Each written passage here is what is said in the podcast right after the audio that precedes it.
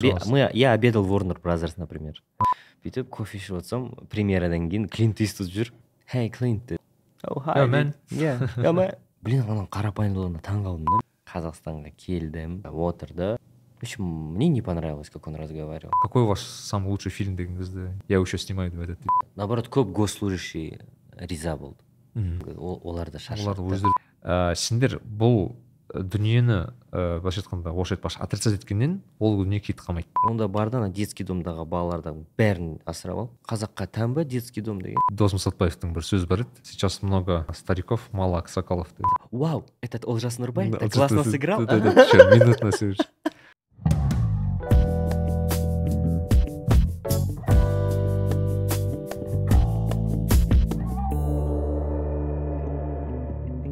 ал ассалаумағалейкум құрметті көрермендер. Вы можете как этот э, ну, бывший экс актер қалай бастайды ауылдастардағыдай да енді бұл ладно. Ол актер емес біздің кейбір әншілер ғой да. Сәлем достар біз бүгін кезекті нарик лайф подкаст жазудамыз. Және бүг- бүгін екі почти бірдей свитшотта да. отырмыз және маған қарама қарсы олжас нұрбай. Ә, так давайте определимся как актер режиссер деп таныстыра аламыз ба или актер уже но нет не актер наверное. Актерский опыт бар. А, актер оп- актерский опыты бар режиссер деп айтамыз ба? наверное наверное режиссер сценарист э, ну продюсер можно наверное Продюсер, ну. продюсирует там свои какие-то небольшие проекты так что наверное можно. Ну актер Аз емес қанша жыл актер жеті жеті жыл болды емес актер иә да где то он бес па он алты киноға түстім ғой. Ну в смысле жобаға ну не знаю мне что то вот внутри может быть это знаешь из за чего мен енді түсіп жүрдім ғой сол кезде маған кейбірлер айтатын адамдар сен образованиең жоқ сен актер емессің көшеден келген деген болады ғой. Иә. обычно сол оқыған актерлар айтады ғой оны. Ә, бәрі емес енді может не созадан қалып қалған шығар а он бес это в основном сериалдар или да фильм? сериалдар аналар Ну, Ну, мен фильм ауылдастар тоже есть. мен ауылдастар есімде ең ең что то яркий ауылдастар это хит қой Да. своего времени әлі ғой Ә, ең народныйлардың бірі народный болып кетті да там ужасное качество ужасная съемка ужасно но блин там э, сценарий э, не- прикольный аха и народный болып кетті да ол жақсы Да. то есть там нету ни матов ничего. И мы аккуратно на этом вылезали. Маған просто жақында даже олжекеңмен бір кездесуде болдық. Сол кезде әкем келді менің. Аха. сол кезде олжекеңе қарады да. Е мынау актер жігіт қой менде мынандай анау бар да. Мындай пост болған инстаграмға. Я говорю, ты можешь закончить э, школу на Алтын Белгі, поступить грант в КБТУ, поступить э, по гранту в, в Лос-Анджелес, в Болашах, выиграть, приехать, а, выиграть там фестиваль, отучиться, приехать сюда, там снять столько-то сериалов, столько-то клипов, столько-то твои проекты могут там проходить на международные фестивали, на-на-на-на-на-на. Но все равно люди скажут в конце, я, ана ауылдастарда айфон емес па е шын ғой енді. Шын, я, я уже смирился, брат, с этим. Да, Нормально. нормально Я уже принял, мне басында хотел чуть-чуть кішкене ауылдастардан отойти, знаешь, ну, молодой же был кішкене. М. А сейчас принял, нет, почему, это же классно. Что жоба нет болды. мысалы тарантино же тоже снимался в своих көп көп жерде он же был актером я помню басында кажется Тут дело не в этом, просто... э, Это просто юношеский максимализм мой, мой, М. понимаешь? Мгм. Мне хотелось быстрее называться режиссером, Мгм. когда только закончил, горел. вот. А сейчас нормально, спокойно отношусь. Да. Сейчас хочу опять сниматься, кстати. Да? вот өзім соңғы сериалымда жүз үште жүз түстіңіз үште иә мен эпизод көрдім бір сценаны да эпизодта түстім да а кем Э, кем были там там в одной серии целая линия там одна серия одна история вертикальный сценарий называется соның бір историясы өзімдікі а там будет как в тарантино там тарантиноның приколы бар ғой он всегда в своих фильмах умирает короче а а нет нет Нет, нет это нет такого причем у тарантино прикольно ана ол қысқа сценаға кіреді да и өт- өте тез өледі короче прям сцена знаешь какой то ну не всегда на самом деле он біріншісі бешеные псы по моему называется да Э, бешеные псы да по моему да ну там нормально же он отыграл ну там Да. бюджет был маленький он Мгм. видимо экономил өзі ойнады бір рөлді тарантино хороший актер ну, на самом деле Да? хорошо играет. А тут есть такое, что типа хороший актер это не обязательно хороший режиссер или наоборот? Да, Да? есть, конечно, конечно, конечно. Например, это как в футболе. Ты же не Ага. обязательно должен быть классным игроком, чтобы быть хорошим тренером. Да. Жозе Мourinho, например, вообще не играл на профессиональном. А есть классные а, Тиери Анри, например, да? Мгм. Шикарный футболист, но как м, тренер. емес Ол шықпады ғой сол иә монаконы алдында Э, бытчет болды деген сияқты ғой. Иә иә. Не ғой? Ыыы бұл ол жеке жайлы бір екі информация просто көп кісілер енді ыыы жобаларыңызды біледі. Бірақ ыыы маған өзіме кішкене открытие болған ол жеке ә, алтын белгі біріншіден. Мхм. Иә. Екіншіден ол жеке қазақ британ университетінде экономиканы оқыған. Иә. Ол жеке профессиональный экономист болып тұрсыз ғой сіз, иә профессиональный экономист. профессиональный экономист. Вот ыыы бірақ бүгін ыыы бүгінгі таңда бұл танымал режиссер. Және де маған қызық болды басында типа қалай қалай? деп бүйтіп есіңізде ме сұрақ қойған едім. Қалай Иә. ол? типа адам экономист болып режиссер болып кетеді деген сияқты. Тем более осы университетте. Бірақ негізі жүріп өткен жолыңыз қызық вы же этот э, бастаған кезде студент кезінде начали сниматься да да да да да да. Былай ғой менде просто э, с детства задача оқу Ага. болды да ага то есть ме- меня я так запрограммирован Ага. и это кстати хорошая программа все равно Э, но параллельно мен мысалы мектепте болсын универде болсын всегда бір культурный мероприятие сондайларға қатысып всегда организовывал Мгм. кбтуда я вообще был министр культуры О, то есть департамент культуры возглавлял я там Мгм. целый ну енді возглавлял целый деп қоймайын енді жаңағыда кбтушниктер көп бүйтпесін но это в любом случае да какой то этот а параллельно мен енді хотел почему то хотел сниматься Вот Мгм. у меня было всегда такое желание я Да. не знаю просто вот хочу сниматься все я начал на кастинги ходить сол кастингтерге барып барып барып ақырын ақырын получилось потом как во вкус вошел в общем через два года я уже в- ну, главные роли брал в сериале ага сериалах. Все, кайфовал, наслаждался, анау, мынау. Потом как будто бітті. ага Что делать? Не знаю. ага Сниматься или по специальности работать. Отснялся. Сырғалым деген сериал был. Кстати, Иә-иә. тоже очень известный сериал. Очень Мгм. хитовый был на тот момент. Все, он түстім. А, а когда ты актер, э, мынандай нәрсе маңызды сенің халықтың танығаны маңызды да иә егер сені халық танып жатса это плюс плюс да иә все равно любой актер хочет быть известным еңбегінің еленгені и сырғалы маған соны берді да и мен вообще уже сөйтіп сөйтіп ойланып бірақ мына актерский актерскийдің бір ә, жері стабильность жоқ та. Сен либо театр проект бар бір жоқ. Иә либо бар либо жоқ. Мысалы менде бір жыл проект болған жоқ. Ну то есть вообще не істедіңіз ол бір жыл? Оқыдым курсы ходил актерский бітірдім анау мынау курстарға сөйтіп сөйтіп сөйтіп сөйтіп әйтеуір бір жыл. Молодой еще әлі студент кезім ғой но все равно как то сөйтіп сөйтіп сөйтіп өтіп кетті. А потом мен уже ә, нефтяной компанияға жұмысқа кірдім өзімнің анаумен. Мамандығыммен иә. иә. Жарты жыл істедім. Жарты жыл депрессияда болдым. Иә. Аварияға түстім анау мынау в общем енді былай ішіп кеттім деп айтпай ақ қояйын но өзім сондай бір состояниеда жүрдім шынымды Иә. айтайын. Потом- почему? Потому что это вообще я оказался не там.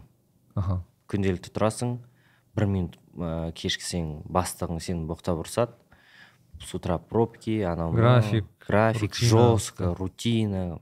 форма одежды в общем как будто мен бүйтіп клеткаға қысып тастағандай болды да аха excel күнімен адамдармен араласпайсың да ана жерде хотя хорошая зарплата кухнясы бар социальный пакет бесплатный спортзал анау мынау все на бумаге все офигенно да да а вот здесь это про- просто плохо мен сосын ойладым М. ана жақта бір әйел отыратын жасы қырыққа келген атын ұмытып қалдым ну менің столым екінші стол и у нее зарплата где то ну может полтора раза выше моей. Аха максимум.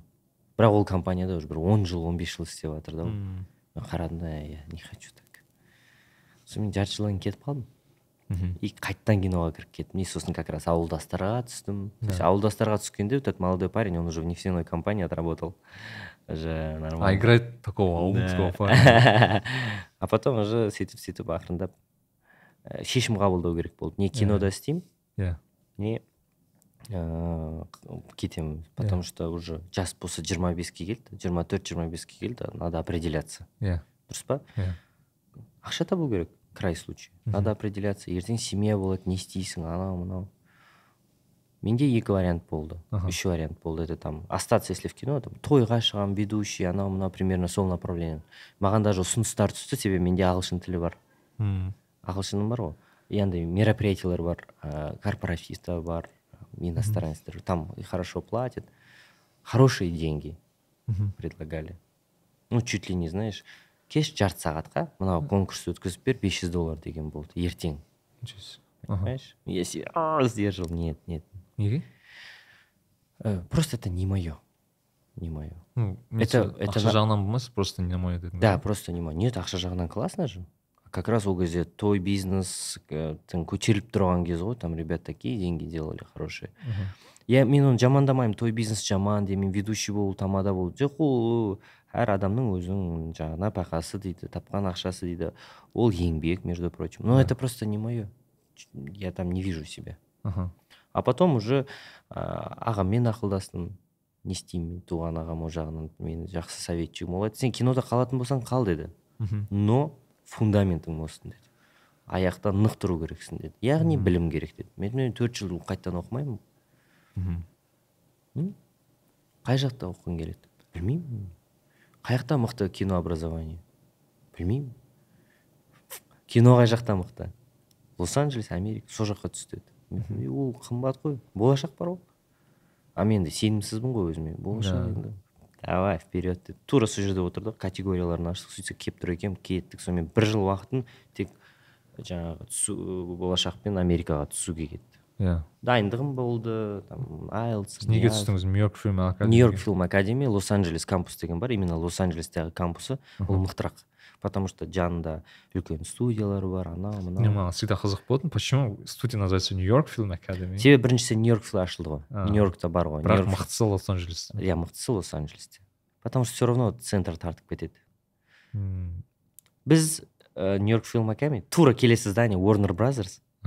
тура келесі пла- площадка ну, бір жүз елу метр жерде Мгм. universal studios и бізде доступ болды мы, обе- Пожалуйста. мы я обедал в warner brothers например А, мог чуть дальше пойти кофе попить э, universal studios м, сосын бізде кейбір сабақтар болады так ә, келесі аптада мұғалім айтады біз жаңағы дайындап қойыңдар сценарийларыңды полный пакет подготовка минуттық ролик түсіреміз қай жақта universal studiosқа и анау джанга түскен соның ана не, сол- декорацияларға сол барасың. декорацияларында түсірдік біз Вау. это классный опыт Мгм. это мощный а опыт. че вы поняли Бі- бі- бітіргеннен кейін не не түсіндіңіз ну типа Я қандай не ошибся деп түсіндім ғой А. жоқ это было вообще раньше Аха. бізде ең бірінші ролик болды түсірген минуттық история быт болдым қырық жетінші жылғы камераға түсіру керек болды мынандай история жазып тастадым да вообще амбиция деген былай ғой Аха. а возможности маленькие Ага. и сонымен поз- опозорился я но Ага. я кайфанул я понял что оказывается блин я режиссер Я не актер я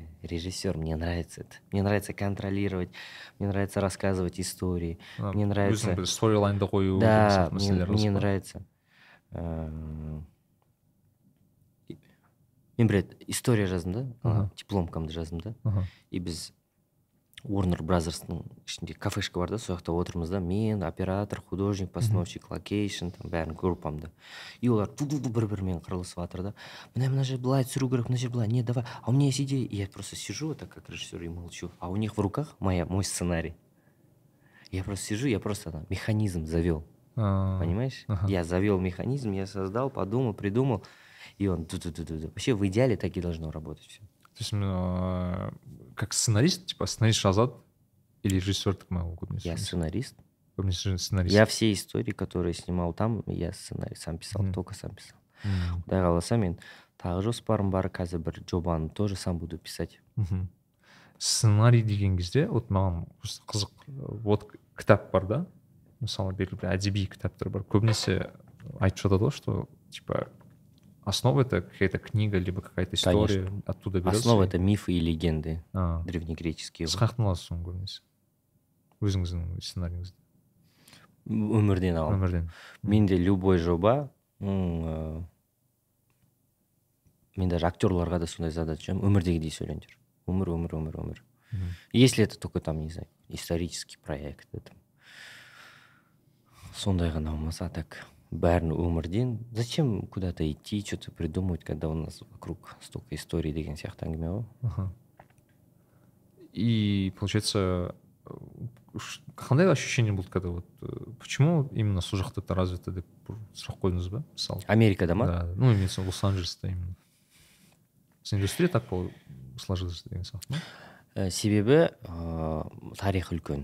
М, М, тарихынан бөлек оларда кино ол бизнес то есть бизнес а америкада бизнес это честная работа то есть там біреуге төлеп бүйтіп сөйтіп бір әкімге кіріп істеп анау мынау коррупционный дем- помы жоқ бизнес значит честно бизнес значит выгодно должно быть мгм. А когда выгодно все работают иә мысалы ә, бізде неге кинода ә, частный кинолар алға шығып кетеді чем государственный киноларға қарағанда Мгм. себебі частныйлар больше рискуют это же их деньги да а То есть государственный не больше рискует. больше требует да олар анау советское мышление казенный дейді ғой иә казенные же деньги деген Мгм. мышлениемен Мгм. вот то же самое в америке так построено студии рискуют своими деньгами мгм.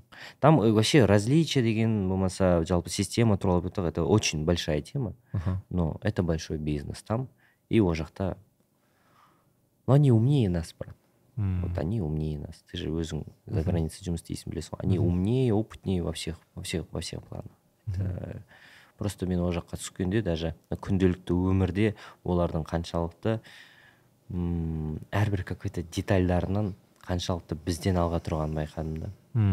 Психологиялық тұрғыдан да любой тұрғыдан. Ага. это просто хорошая школа. Вау. Да. Э, ну я как слышал уже в основном надо учиться именно вот снимать фильмы да мысалы көбінесе түсіруге э, былайша айтқанда практика? Да да именно. Ты былайша айтқанда ты видишь именно вот э, настоящую индустрию қалай түсіріледі да фильмдер мхм шынымен да блокбастер болсын ана хиттер голливудтың хиттары болсын. Ты видишь просто көшенің күніге балалар айтқан типа барған кезде күніге бір фильм түсіріп жатады деген Иә, иә, почти каждый день Иә, барасың күніге бір сөз иә иә иә деген лос анджелес как большая площадка? Ғой үлкен площадка сияқты ғой уже кафелер болсын көшелер болсын әрбір. Біз алматыда сияқты кіріп мына жақта түсіре салайықшы деген тема жоқ. Оларда бәрі документально бәрі четко кстати алматыда сондай оператор қазір уже. Э, уже все официально надо. Ол жақсы бір жағынан. Оларда прям уже бизнес қой. Мысалы во все тяжкие деген сериалда неге иә. Лос анджелесте емес альбукеркеде түсірді? Иә. Неге? И жанындағы штатта. Потому что дешевле. Потому что лос анджелесте ондай түсіру қымбат нью та. мексикада ма түсті ол жандағы штат кажется? Альбукерке нью мексико ма сондай едім кажется. Техас қай штат екенін білмеймін ну в общем Да, соседний ага. Недалеко. Себебі ол жақта арзан. Ол штатта ондай заңдар жоқ там дешевле снять дешевле отснять деген сияқты ғой прикол сонда шынымен ақша үшін жасайтын ба сондай заттарды кейбір басқа штаттарға жасайды. ну имеется в виду конечно өзінің штатында емес конечно конечно это же важно ақша это же важно кинода это ты ка- вообще кинода м, экономия денег очень важно Ага. очень важно прям от и до но ол в то же время сапаға әсер етпеу керек та М, ну это в идеальном мире ну а бізде Ну, ол олай емес емес, қой иә, бізде талғам. кішкене басқаша ну да бізде кішкене продюсерлер болсын басқалар болсын кішкене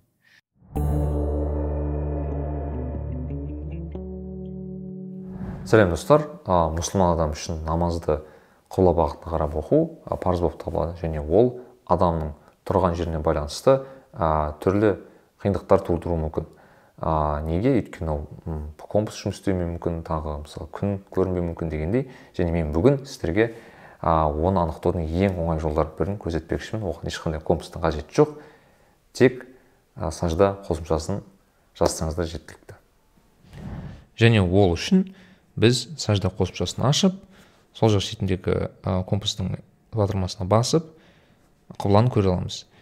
Және бұны нақтырақ тексеру үшін біз оң жақтағы батырманы басып картада осы біз тұрған жергеден мына сызық арқылы құбыла бағытын қайда тұрғанын біле аламыз. Ә, біз кішірейтіп дәл меккенің яғни қағбаның орналасу жеріне дейін көре аламыз бұл өте маңызды және керекті зат. Сөйтіп себебі біз компастың кейде дұрыс істемеген кезінде осы сызық арқылы меккенің қайда тұрғанын нақтырақ алсақ құбыланың қайда тұрғанын біле аламыз.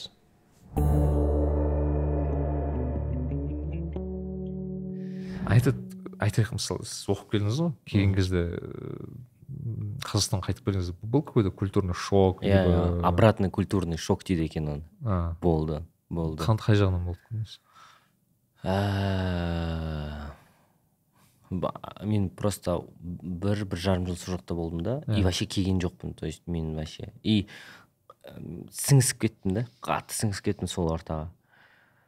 И қайтып келгенде даже ана балшықты көрдім ғой көшедегі. Бізде күнделікті көресің ғой. Кәдімгі балшық тұрады ғой. Иә. Мысалы асфальт аллеяда балшық. Иә. Маған соның өзі көргенім мен. Я понял что мен бір жарым жыл оказывается балшық көрмеппін. Потому что лос анджелесте либо газон либо, либо тротуар. тас тротуар. либо тротуар мысалы болмаса мынандай специальный тастар болады ғой кішкентай Да, сондайды да, сеуіп да. тастайды. Сон- сондықтан лос анджелесте шаң жоқ кстати. Иә машинаң бүйтіп шаң болып қапталмайды да. Бізде сол ғой екі күн даже тап таза погода тұрса машинаң все равно пыль болып тұрады ғой. Біз сосын таңғаламыз неге бізде аллергия неге рак легких деп. Это же этот пыль передает же. Ладно не об этом. Вот обратный культурный шок. Вроде не обращаешь внимания балшық да? Ну балшық балшық а это вот такая тема.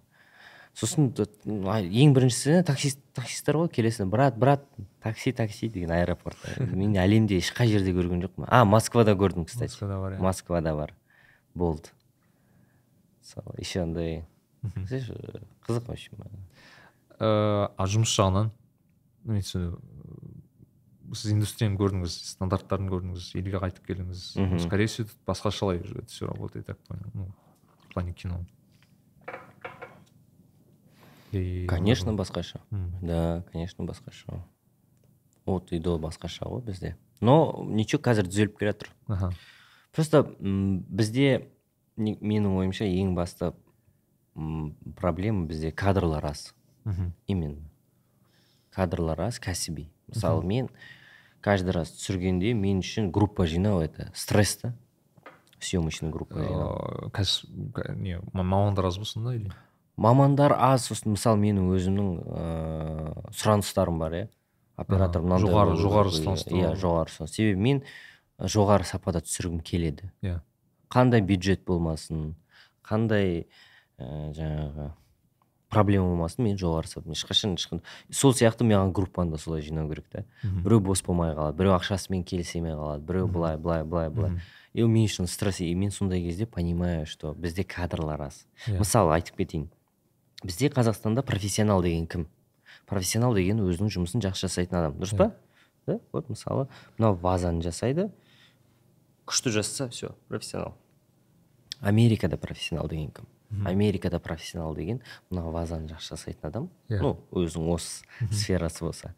Және адамдармен жақсы қарым қатынаста болатын мхм. Нетворк communication soft skills, sk- түсінесің ба? Олар айтады ты можешь лучшую работу улучшить но если ты с людьми не умеешь общаться все до свидания. И оларда выбор бар. А менде выбор жоқ. Менде мысалы бізде выбор аз да. Мысалы мен маған мықты ыыы мысалы звукач табу керек иә. Иә. Мен в первую очередь жұмысына қараймын ғой. Бірақ ол ертең площадкаға бәрімен қырылысып жүрсе болмаса менімен тіл конфликтный болса конфликт мен оны алып тастаймын бірақ менің оның орнына «А», деймін да басқа біреуді аламын но бірақ ол уже профессионал. Выбор жоқ та америкада выбор бар да. И олар біледі конкуренция. Аха. Мынандай база жасайтын бізде он адам болса оларда жүз мың адам да. Ол біледі сен қазір мынаумен мынаған дұрыс жауап бермеші болмаса в любом нагруби случае былай даже математически қарасаң ыыы мысалы тоже звукач звукачты алайық мысалы звукачтың саны мен түсетін фильмдердің санын салыстырсақ скорее всего фильмнің саны аз ғой. Это же қымбат зат қой по идее. Мхм звукачтар көп деген сияқты. Сондай болып қалуы мүмкін ғой либо актерлар көп деген сияқты. Часто вот эти истории же есть анау не туралы э, голливуд э, не еді анау once upon a once upon a time in деген однажды в Голливуде. сол кезде көрсетеді ғой типа каждый раз ана неге барады проб- пробаға барады мына жаққа пробаға барады там айқайлайды там ди каприоның бір сценасы ғой, сейчас Иә. покажем наверное здесь. Жынданып бүйтіп да это конкуренция ғой негізі бәсекелестік бізде қазір енді енді бәсекелестік пайда бола бастады. Э, жақсы режиссерлар пайда бола бастады жас Да. жас м, жақсы операторлар пайда бола бастады жақсы сцен- сценаристтер енді ақырындап ақырындап это хорошо Ага. негізі это хорошо любой конкуренция жақсы қазір кто будет выпендриваться тот останется без работы мхм деген әңгіме ғой ну да кто будет халявить тот останется без работы потому что есть выбор ну да понимаешь сондықтан мысалы я чувствую это даже я вижу молодых ребят артынан келе жатқан бүйтіп итеріп итеріп келе итеріп жатыр да мені олар Ага. Сон- и это классно это классно в тонусе жүресің да молодые дерзкие мысалы ә, мынандай нәрсе айтайыншы клинт иствудты білесің ғой Иә. ә? это легендарный адам ғой клинт Клинт Иствуд, иствуд во-первых был крутым актером крутой режиссер И потом крутой крутой режиссер. сценарист мына жаққа клинт иствуд шығарып қой былай мына жақ- мына жақ нормально мхм маған цепаните графикамен мен бүйтемін Клинт. мен короче соның ә, маған повезло м, Соның премьерасына барып қалдым киносына. И сонымен сөйлестім да мен. Клинт Иствуд. клинт иствудпен сөйлесіп қалдым да. Енді мен таңқалып қалдым. Бүйтіп кофе ішіп отырсам премьерадан кейін клинт иствуд жүр. Бүйтіп бүйтіп қарадым да. Клинт иствуд что ли? дедім да. И все нагло бардым. Мхм алдынан адамдар жауып тастаған мен артынан бардым. Мхм hey клинт дедім. Oh, oh hi. Yo, man. yeah. Yo man. Can I take a photo please? Yeah yeah yeah sure sure. Сонымен кішкене сөйлесіп қалдық та where are you from? Yeah well what do you do for living деген сияқты темалар ғой. Кішкене сөйлесіп қалдық та блин ананың қарапайымдылығына таң қалдым да. Мен А. кіммін оған? Негізі это же клинт иствуд бірақ. Мен кіммін? Маған бірақ ол искренне болмаса да кішкентай бір уақытын бөлді да. Да Да. понимаешь? Сосын аарон экхарт деген актермен түсірдім ана бэтменді жарты пол пол Да, литида да, да, да. суретін шығара салды снеді сразу. Вообще онымен бір жиырма минут сөйлесіп и мен сол адамдарға қараймын да думаю блин насколько они простые деймін да? Насколько вот это вот у них есть да. простота? А бізде қалай? Былай ма? Мен қазақстанға келдім. Қазақстанға келдім. И ә, жаңағы ермек тұрсыновтың бір встреча со зрителями деген анасына бардым да мына библиотекаға сөйтіп асанәлі әшімов келді. Иә. Асанәлі әшімов келді да былай отырды. Сонымен встреча мхм. типа сұрақтар қойды. И асанәлі әшімов в общем мне не понравилось как он разговаривал. Мхм. Пафос көп болды да о мен анау мынау кезінде мен жалпы жастардың кинода сүйіскендеріне қарсымын да аха. Қазақтардың себебі ол моральдық тұрғыдан дұрыс емес. Хорошо? А неге онда коньяктың аты сенің атыңмен шығады? От своего имени. Асанали деген коньяк бар ғой. А да? Да не знал двойные стандарты. Так. Нормально так. Нормально. Закидон для этого. Неге да? Да, не, ну это же правда. Я против него ничего не имею. Но это же правда. Как есть. Былай, былай. Ты или Ага. так, или так. Или молчишь. Потом я подумал, а когда он в последний раз что-то Сним- с- я снимал, профессионально снимал, такой вот, прям как Транссибирский экспресс, да? 30-40 лет назад. Везде вот это расслабляет, Да. понимаешь? А попробуй Клинт Иствуд 30-40 лет назад там сняться. Его забыли бы нафиг. Он до сих пор он должен быть в теме, чтобы в быть тонусе был в тонусе. И это классно, это все развивает индустрию, понимаешь? Мне кажется, даже бар ғой андай э, вот есть люди даже вот музыканттардан байқаймын даже айтишіктерден байқаймын вот есть люди которые вот вот сіз айтпақшы тонуста болғанын қалайды да из-за этого всегда молодежьмен на связи Да, из-за да. этого мысалы ты наверное клинт иствудта сөйлестік короче а Мгм. вдруг это будущий гений который я пропущу қазір Мгм. изи изи оларда солай сондай отношение сондай да Мгм. күшті да бізге вот сол отношениені құртса бізде уже көп нәрсе өзгереді да Мгм. е мынау аны мен мысалы С- сәке это был ну это хороший прорыв был лично для меня Да, Э, басқаны алмай тұрсақ иә для меня это был хороший прорыв ага но это меня не расслабило вообще Мгм. Потому что я не хочу быть режиссером, который, «Э, это же, который вот Саке, да, снимал? Вот я не хочу вот таким быть Окей. режиссером. да ну типа чтобы все время что-то было да Конечно, зачем мне каждый раз идти на интервью? А, Почему Камилова? мне отказываю от интервью? Потому что они говорят, я хочу задать про Саке вопрос. Да, я говорю, я Мгм. уже миллион раз. Зачем? Я не хочу только с этим ассоциироваться. Да. Понимаешь? Это, это плохо, мен развитием тоқтап қалады.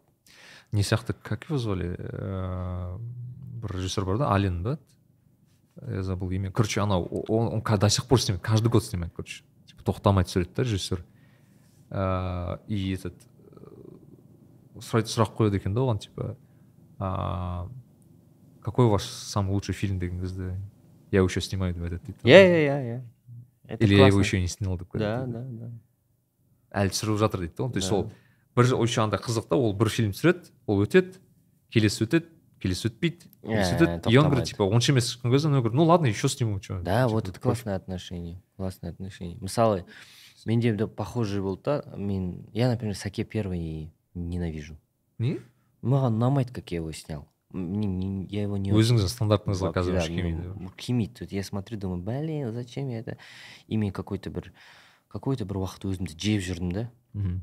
а потом с другой стороны думаю ну ладно классно тоже сниму лучше Мгм. потом все қазір у меня такое отношение бұл андай не секілді андай бір психологияда да бар ғой біз наши кстати любимые с э, олжеке екеуміз темамыз. Сейчас про это отдельно будет. Насчет психологии. Просто андай ыыы кейде ыыы менде де кезінде ойлайтынмын вот блин надо было так надо было так. Потом түсіндім да потом маған бір психолог кісі айтты да слушай это ты это, это ты сейчас думаешь деді да сен қазір солай ойлайсың деді да?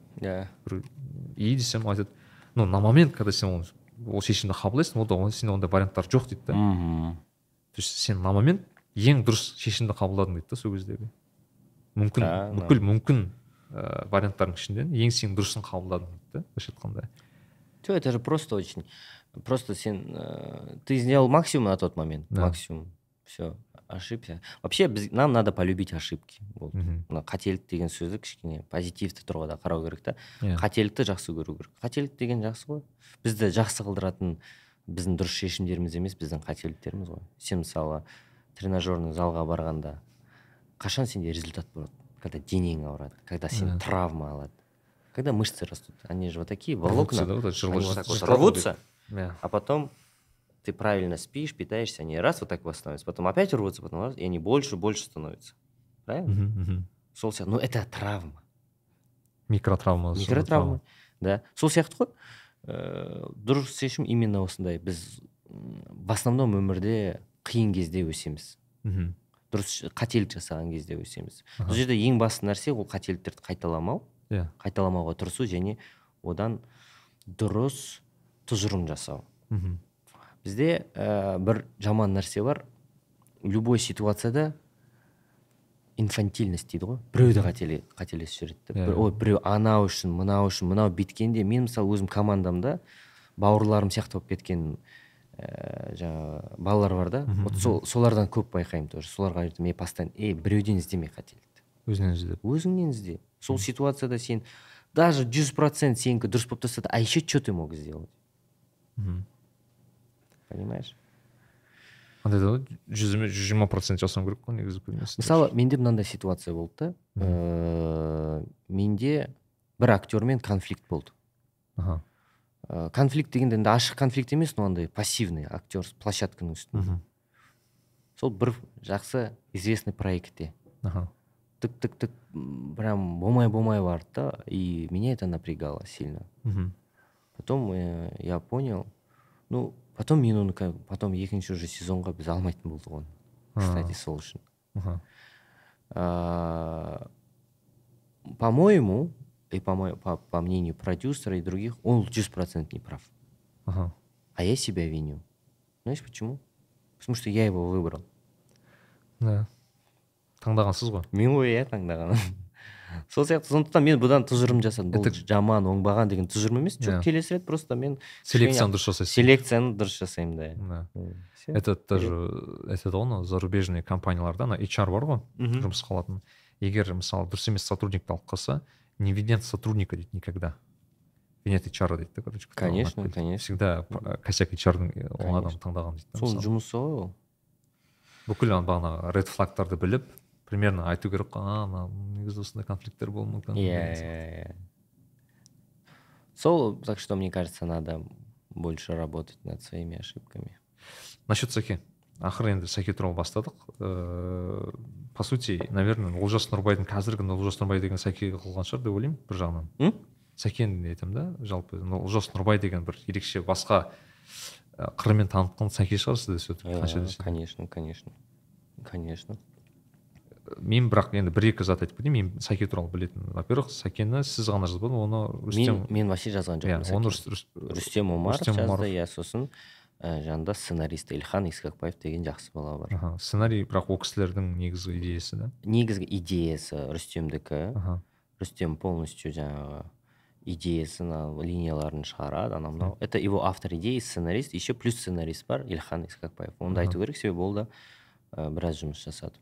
А окей. Ыыы сізге ұсынылған кезде вы че подумали сразу. Бірінші болады бір не дейді ана қағазбен жүреді ғой. Ә, оның ең бірінші названиесі акиматчик болды кстати. Акиматчик акиматчик болды біз как раз карантин енді бітті или басталды ма жазда Жиырмасыншы жыл. сол иә жиырмасыншы сол кезде ә, рүстем звондады осындай осындай жоба бар. Ыыы че тебе интересно деді я говорю да интересно. Кездестік ақылдастық ыыы сөйтіп ә, вообще неге сәке болып кетті айтып берейін ба да это по моему мен впервые говорю об этом. Қазір айтамын негізі ахиматчик аты аха бірақ біз карантин кездестірдік. Аха яғни далаға шығуға болмайды там отыз қырық адам карантин дегенде күздік емес жаздық карантин болды ғой бір. А ашылды да сосын қайтадан бір волна болып кетті ғой. иә, иә, иә. вот сол кезде түсірдік біз. Ресторандар жабық анау жабық мына көшеде там условно он адамнан ә, артық жиналуға болмайды деген сияқты. Сөйтіп ә, в общем түсіретін болдық. бірақ рүстем айтты слушай анау хлопушка бар ғой мхм. содағы названиесін акиматчик демеуге болмайды дейді да неге я говорю неге ол говорит потому что қазір біреулер келіп қалса полицейский болсын біреу болсын ана біз түсіріп жатқан районның там не знаю бірдеңелері болсын лишний сұрақтар болуы мүмкін да и бізді на фоне карантина там или еще могут разогнать не давать снимать мхм. это должно быть такое название как мультик дейді да как мультик что нибудь такое чтобы вообще непонятно было да да да и я говорю, а как зовут главного героя? А, ну я уже знаю, я говорю, Сасак, Саят, Сама. Давай Саке назовем.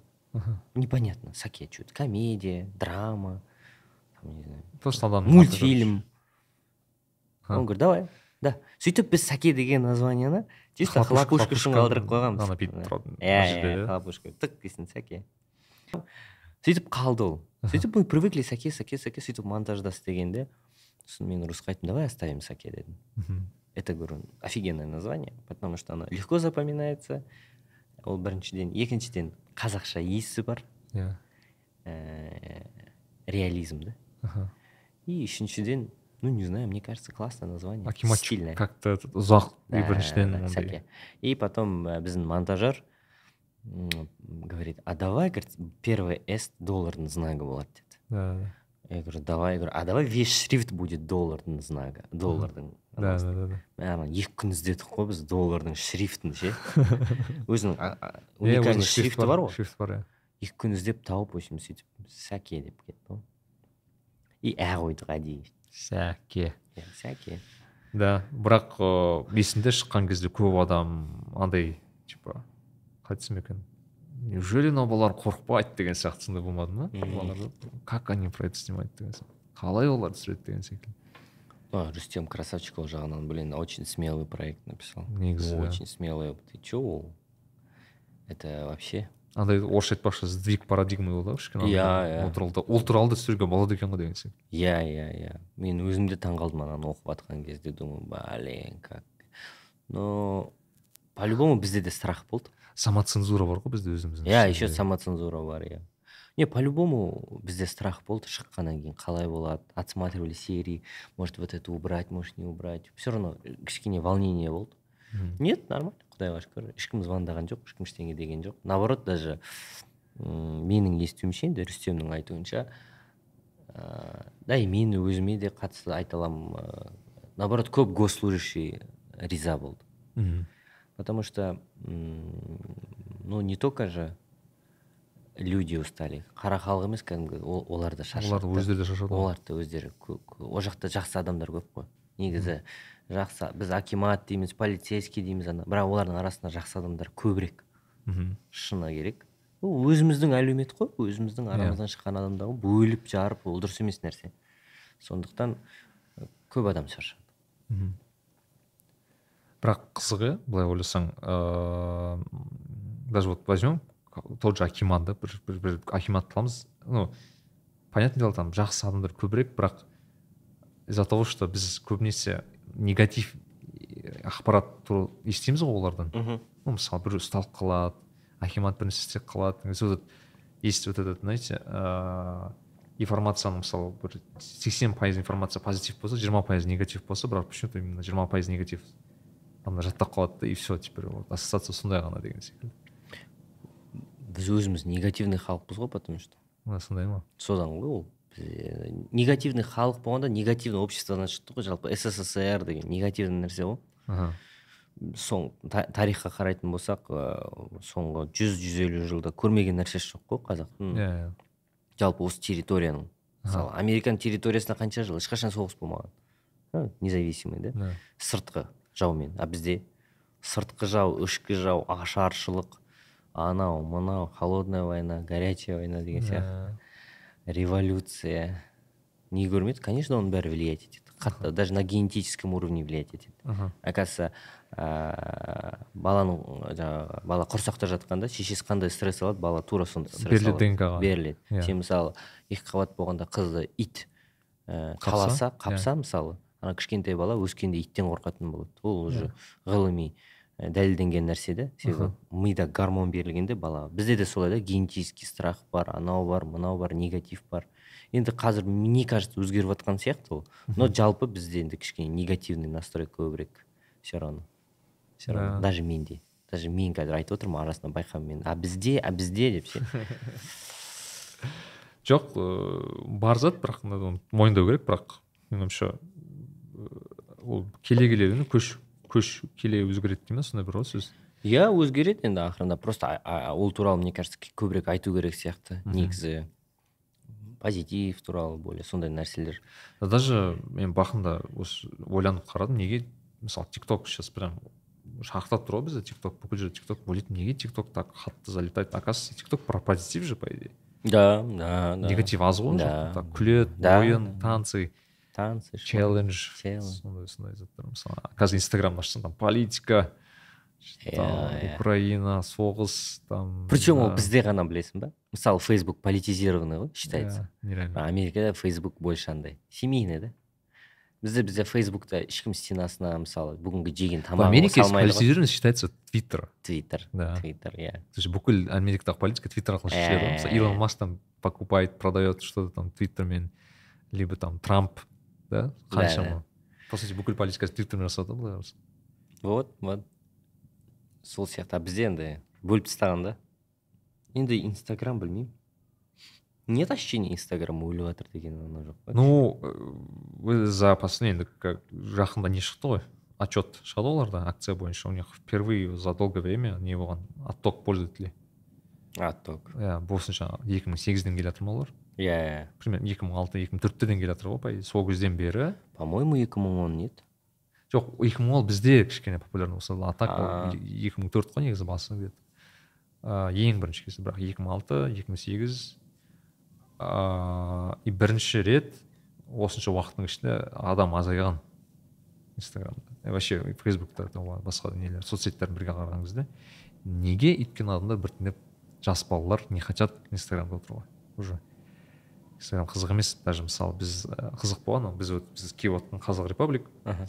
сәкен жолдас деген ағамыз. Я купил я этот не рекламирую да. поэтому.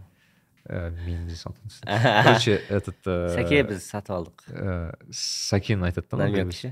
Сатып Иә, алдық. салдық сәке менде үшеу бар үшеуін де сатып алдым. Жақсы екен кофталарыңыз. Қоймайды дей ма иә.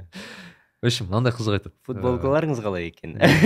жаңа жаңа несі шықты жаңа деп топтамаларыңыз қалай болады екен? Деп екі стаканыңыз бар тағы оны да сатып алдым. Иә деп в общем ә, апаларым сияқты ауылда. Иә. иә иә.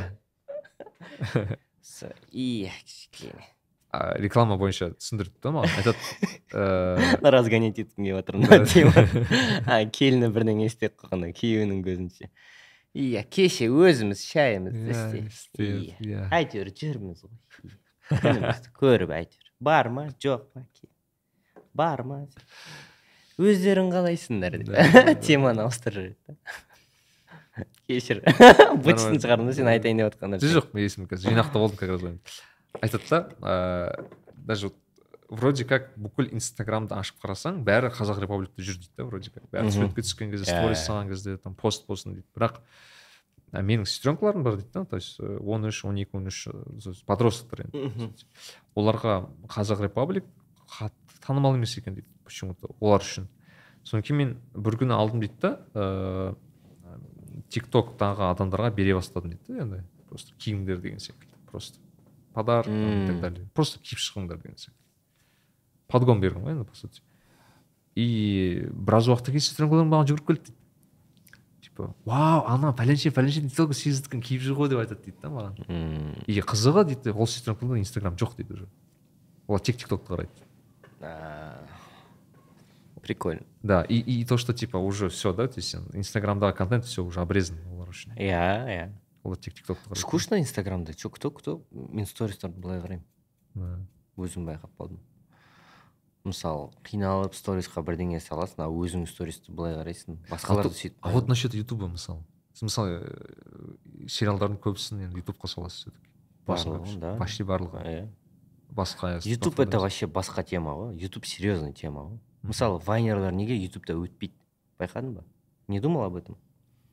Это потому что другой формат там не пройдет халява дешевый дешевый дешевый деп қоймаймын енді вайнда неше түрлі жақсы андай- вайндарда болады ғой просто формат не тот там там кәдімгідей нормальный ыыы контент керек нормального качества уже Стабильно. стабильно ютуб көтермейді қазір оны зрители мысалы м, баяғыда ютубта могла всякая фигня залететь сейчас нет сейчас ютуб это как ақырын ақырын платформаға ұқсап бара жатыр байқамайсың ба уже Мгм. такое ты подкаст снимаешь для ютуба ты уже ставишь свет хороший звук ставишь почему потому что сен білесің да уже даже білмесең де автоматом жасайсың себебі сен басқа подкасттарды көрдің да стандарттарын и уже стандарттар ұқсап саған қазір мынаны біз екеуміз барып бір қорада бір жерде түсіріп тастайықшы да уже неприятно уже не то уже стандарт Мгм. ты же не можешь некачественный проект на netflix вытащить правильно netflix Да. қабылдамайды оны Мгм. сол сияқты ғой қабылдаса да ол халыққа өтпейді и ютуб тоже ютубта уже стандарты жесткие Мгм. сейчас мен құдай қаласа тағы бір екі сериалым шығады там мы прям по качеству постарался я прям очень сол хочу жду хочу Мгм. понять қалай болады екен а мынандай мәселе бар ғой ол жерге. Ә, мысалы сериал ютубтағы сериалдар по сути бесплатно тұр жерде былай қарасаң, иә, иә. Ол тегін. Мен барып күніге өтіп қарай аламын. Иә а, негізі ә, нормальный фильмге сериалға төлеу керек қой. Конечно конечно төлеу керек. Ол халықты бүйтіп еркелетіп тастамай ма бір күні? Мысалы адамдар үйреніп қалуы мүмкін да мысалы бесплатно зат. Біз қазір сәлем туралы айтып жатырмыз ба? Жалпы мен тек сәлем жайлы емес просто мысалы келешекте құдай біледі басқа нелер пайда площадкалар пайда болуы мүмкін просто айтқым келгені ондай проблема жоқ. Мысалы нетфликсқа мысалы нетфликсті жақсы көреміз да біз екеуміз мысалы бірақ нетфликсті біз сатып аламыз все таки нетфликс кәдімгі ақша тұрады біз үшін. Бірақ андай бір халық неге үйретіп тастамаймыз ба деген сұрақ болады иә иә ондай мүмкін ондай мүмкін. Но в- в любом случае любой нормальный нәрсеге сен ақша төлеу керексің. Иә. Дұрыс па? Себебі ыыы сен сапа үшін сапаға да мысалы оны жасайтын адам шығындары бар. Иә. Так что мысалы мен нетфликсқа жазылғанмын кинопоискқа жазылғанмын да мысалы. Мхм. болды ма? Тағы бірдеңеге жазылған а тнт онлайнға жазылғанмын мен. Сосын ситантаға жазылғанмын. Мен не үшін оларға жазыламын? Мхм. былай қарап тұрсаң негізі бір айлық қатты емес шығын. Иә. егер мысалы бізде қорқады да просто адамдар кішкене енді новый нәрсеге. Мен өзім де сондай болдым. Иә. мен өткен жылы ғана яндекс музыкаға жазылдым ғой. Тоғыз жүз тоқсан теңгеге ғой білмейтінмін ғой мен ойлап жүрмін ғой. Просто мида да жоқ қой ол. Қымбат деген что э, для, бе- для белых людей что то для что то на богатом. Да, да, да. негізі ыңғайлы өте ыңғайлы. Кайф ашасың качество деген. Ұрып тұр реклама жоқ любой сериалыңды мо- неңді ашасың футболды көре саласың да футболды іздемейсің деген сияқты да. Солай болу керек. И солай болады. А ютубқа шығатын нәрсе енді ол пока мне кажется до поры до времени ғой ол бір уақытқа дейін ғана ма? Иә бір уақытқа дейін. Бірақ біз оғанға дейін біз көрерменді де сапалы нәрсеге үйретеміз ғой түсінесің ба иә. Біз еркелетеміз бірақ үйретеміз жаңағы Талғамын талғамын талғамын көте кө- кө- кө- көтереміз. Мысалы мен құдай қаласа күзде маленькое государство скорее всего өзіміз деген атпен ба бір сериал шығады менің. Мгм. қазақша таза қазақша. Иә. и ол жерде деген сапаны біз деген кәдімгі историясы простой да бірақ сапаны көтеруге тырыстық та. Неге? Потому что мен мынау қазақ тілді көрермен сапалы нәрсе көрсінші сапалы нәрсеге көзі құлағы миы үйренсінші. Деген нәрсемен жасап отырмын да. Әйтпесе маған жеңіл болатын еді былай ақ түсіресің өзіме де жақсы басқаларға да деген сияқты оңай тез тез түсіріп тастаймыз. Сол сияқты талғамын көтергім келіп жатыр да. Ол не арқылы барады ол ютуб арқылы барады мен ана магазинде жұмыс істейтін тәте біздің сериалды көріп е оказывается мынау орамалды былай емес басқа былай да тағуға болады екен ғой оказывается не обязательно қымбат киім чтобы нормально одеваться. И оказывается үйдегі мынау стенаны былай боясақ уже оказывается интереснее да да да да. Деген сияқты да? Сол миына құя берсек пайда болады мысалы неге шетелге барған адамдардың ойы өзгеріп келеді? Себебі көреді да мұның бәрін. Салыстырады. Салыстырады. Өзің білесің жақсы білесің дұрыс па? Иә. Бізге соған менің инструментім ол кино. Иә. Менің инстру- мен, мен сол арқылы жеткізіп жатырмын да. Э, инструмент влияния дейді ма сонда? маған шынымды айтайын может сенің сұрағыңа жауап, жаңағы жауап емес но осы ойындағыны айтайыншы. Ыыы, мне обидно. Мен қазақ тілде оқыған иә. м, қазақтың баласымын. Мектепті мен қазақша бітіргенмін. Мгм. бірақ неге мен ютубты ашқанда болмаса неге мен телевизорды қосқанда қазақша контенттің сапасы төмен болып тұрады орысша контентке қарағанда? Иә. Неге? Это что за отношение? Неге біз өзімізді өзіміз жаңағы нацизм жасап жатырмық? Алалап отырмыз өзімізді иә иә иә. Неге? Алып тастау керек сол стереотипті. Неге жасамасқа соны неге Неге неге жасамасқа. неге жасамасқа сондықтан жаңағы шығатын мг жобасын иә. қазір название определюсь еще оны прям топ қылып жасап жатырмын да. Сапасы бойынша. Өзіміздің қазақ қазақша сөйлейтін балалар көрсінші ананы деп. Иә. Дәмін сезсінші осылай болу керек. Оказывается так можно деп. Мгм. әйтпесе біз оны үйретіп жатырмыз ана любой нәрсе ауыл туралы любой нәрсе сол анау мынау араласып кеткен бірдеңе бірдеңе соған риза олар да көреді олар да сонымен өседі. Сосын мына жақта екінші бар орыс тілдер былай қарасаң ә, кейде ойланып қарадым да жақында осы біз алдында ә, алишер учев ағамызбен сөйлестік та. Сол кезде бір жақсы бір затты айтты. Мен айттым неге біз кезінде бригаданы жақсы көрдік? деймін да. мысалы мен бригада сериалын көрдіңіз ба сіз? Иә конечно. Бәріміз көрдік по сути. Мен, мен мысалы айтамын да неге біз бригаданы соншалықты ұнатып вроде қазір қарасам как то кринжово да ананы қарау кішкене ше. ну қазіргі көзқарасымен криводан қарасам ну есть к нему вопросы да кішкене скажем так. Бірақ сол кезде прям қатты өтті бізге негізі кейін ыыы мынандай зат бар да біз кейбір ым, ұрпақ бір сериалмен өседі екен негізі иә конечно. Бір сериалмен өсіп қалыптасады даже я бы сказал. Мысалы мен қазір просто на скидка маған бағанағы ыыы түріктің сериалдары есіме түсіп отыр біздің поколение плюс тоқсаныншы жылдар деген балалардың в основном түрік сериалдары всякие испанский сериалдар. Я люблю его мама ну тоже, да, пожалуйста. да, да. И потом ыыы есіңізде ме мятежный дух деген болатын? А сол ғой иә сол а еще я люблю его мама деген болды. ол еще мятежный дух мятежный дух жена юды жена юды жоқ енді осылар біздің поколение точно көрген еді скорее всего. Ол- ол- осыны біз өсіп шыққанбыз да мысалы ну перекресткті біз реально навряд ли көрдік мен просто помню. Оны да көрдім көрдім көрдіңіз ба мен просто айтқым келгені қазір бір қызық заманда тұрмыз да. Бір керемет бір мүмкіндіктер да. Мысалы сіздер қазір ә, сериалдар түсіріп жатырсыздар да. Бірақ келешек қазіргі былайша айтқандағы сегіз тоғыз он он екі жасар балалар ол сериалды көреді примерно көбісі. Иә көрдім көреді. Сіздер иншалла тоқтамай сериал түсіре берсеңіздер ол бір күні он сегізге толады. Иә. Жиырмаға толады. Ол былайша айтқанда сіздердің жіберген месседждарыңызды уже примерно сіңдіріп алады. сіңдіріп алады да а енді былай жұмыс істеу керек екен дейді. Мысалы ол керемет та мысалы таза былай ағартушылық жағын алатын болсам мен просто ойландым да жақында просто біз ағартушылық деген сөздің өзін алатын болсақ иә иә бізде ағартушылық көбіне кітап жазу деп айтады да бірақ по сути ол кітап жазу емес контент қой по сути оны Иә. контенттің түрі көп мысалы ең қатты өтіп қалған сори ну веб сериалы. Тик токта тик токта ағартушылық рөлін атқаруға болады. Да. Тик ток арқылы. Да. Это изи негізі. Бізге керек ол қазір. Мхм. мен кеше ыыы жүз үштің соңғы сахналарын ана әл фараби гагаринада түсірдім да. Мхм. Әл фараби гагарина не түседі ол бірінші ойың айтшы әл фараби гагарина. Қазақфильм да рейндж ровер центр. Дұрыс па такой примерно. нормальный такой ар жағында үлкен базис аның үйі бар рейндж ровер центр мен базис аның арасында мың тоғыз жүз отызыншы алпысыншы жылдардың арасында салынған екі этаж үйлер бар құлайын деп тұрған. Да? Там целый район живет. Сен оны әл фарабиден көрмейсің. Хотя ол әл фарабиден қырық метр жерде тұр. Оның арасында ештеңе жоқ. Міне рейндж ровер центр мына жақта ағаштар ағаштар ағаштардың арасында берші үйлер тұр. Біз сол жаққа келіп түсірдік. Бір енді кедей семьяның үйі керек болды да. Сондай ә, сахна болды да.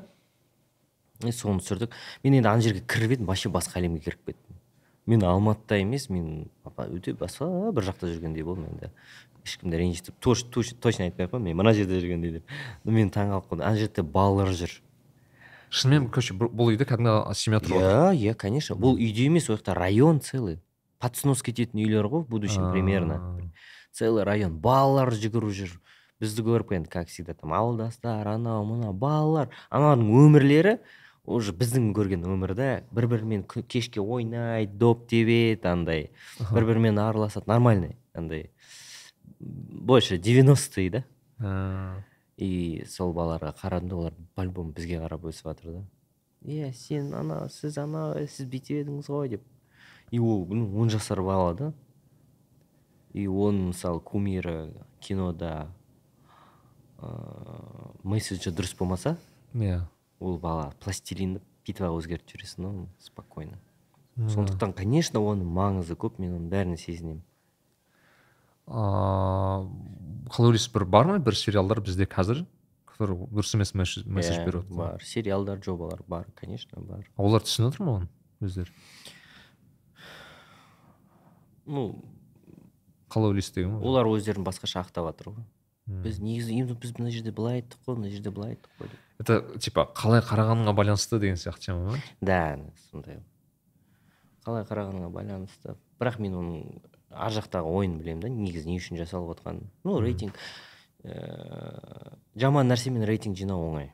Мхм. Өте оңай. Хайп болсын жаман мысалы жаман болсын негатив болсын мысалы тик токқа қазір біреудің өлгенін салып жіберші болмаса атқан ол в любом случае көп просмотр жинайды. Мхм. А сен попробуй сондай просмотрды кішкене басқаша басқаша Ну, позитив затпен мысалы квн да иә.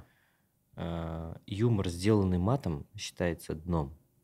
то иә есть сен егер ә, жаман әзілдесең сен боқтап күлдірсең адамды значит сен уже басқа слабый ты слабый мхм считается мен қазір конкретно айтпай ақ қояйын мынау сериал мынау сериал болмаса мынау жоба мынау жоба деп оның блогерлердің де арасында бар иә ну просто ә, кішкене жауапкершілік түсіну керек что их смотрят люди иә когда тебя смотрят люди у тебя есть уже ответственность все болды басқа ешқандай әңгіме жоқ И можно себя оправдывать так так но не знаю я по-другому воспитан чуть Вот мен именно, өзімді знаешь, ангелмін мен боқтамаймын мен сәкеде де боқтайды между прочим. Сәкеде Да. андай сахналар это давай Ну, енді ол Откровенно. естественно но менде ол жерде все оправдано да мысалы я торможу да мысалы қазір жүз үште абекені тормозил абеке меньше меньше мата. Только оправданно сіздің герояңызды а- осы жерде ғана аша алатындай эмоционально.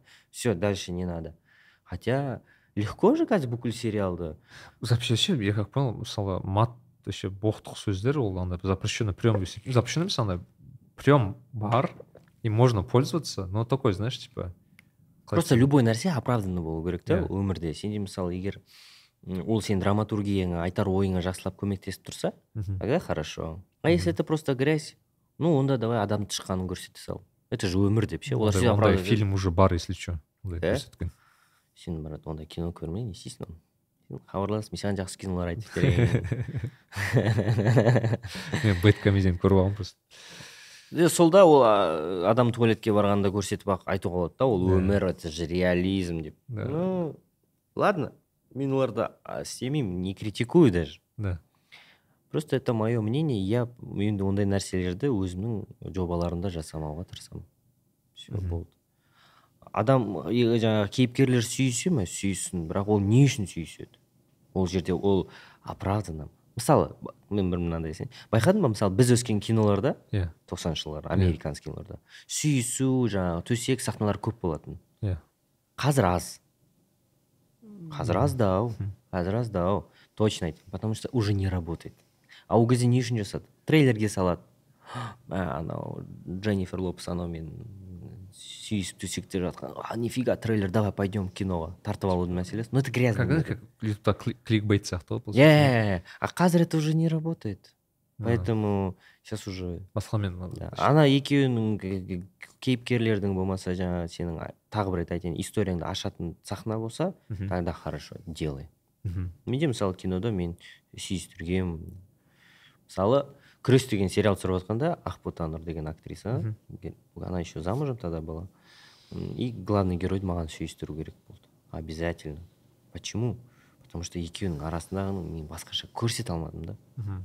и менің ойымша менің видением бойынша я не мог и мне пришлось это сделать Мгм. и Актерлар они түсіндір- актер- түсіндіріп айттыңыз. да актерам объяснил актеры хорошо без проблем все чик сделали аккуратно все нормально бірақ мен оны заранее актерларды предупреждать етемін күйеуі жігіті анаусын бәрін заранее.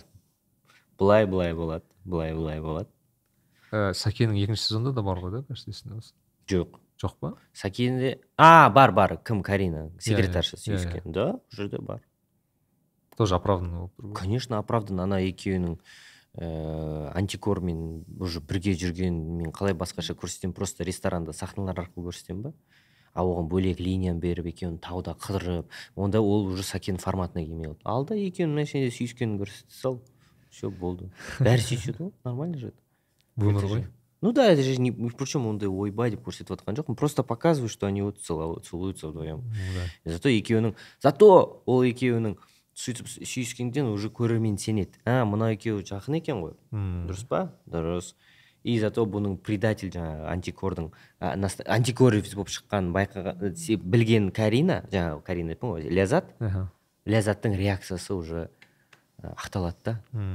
Уже оправданно түсінесің неге түсінесің иә просто бүйтіп қол ұстасып жүрген вот вот это да я согласен. Но опять брат бәрі әр адамның өзінің видениесімен ойы ғой. ол менің ойым менің видением понимаешь? Біреу қарсы келуі мүмкін без проблем. Ну я так думаю. Ну да.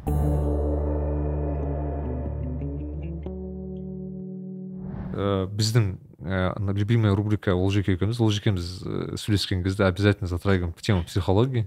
Наша Ә, любимая тема. өзі болмай қалған психологпыз. Біз өте жазылыңыздар біздің курстарымыз арзан. марафон жүргіземіз десін. Иә марафондарымыз арзан пожалуйста дейтін жазылыңыз. Пожалуйста жазылыңыздар нормально болады дейтін марафондар ғой. Олжеке жалпы енді психология қазір жиі қозғалады. Жиырмасыншы жылдарда ең хайптағы профессия дейді қазір. Да. Бәрі карантин кезінде типа бәрі психологический травма травма емес енді былайша қиналды анау мынау. Қазір соңғы жылдар вообще типа психолог табу қиын анау мынау болып кеткен дейді адамдар. Жалпы ә, мен білем сіз ә, мынау біраз не көрдіңіз. Ә, жол ғой мынау былайша айтқанда сіздің өткен белгілі бір да сериал түсіру анау бір анау бір мынау бір.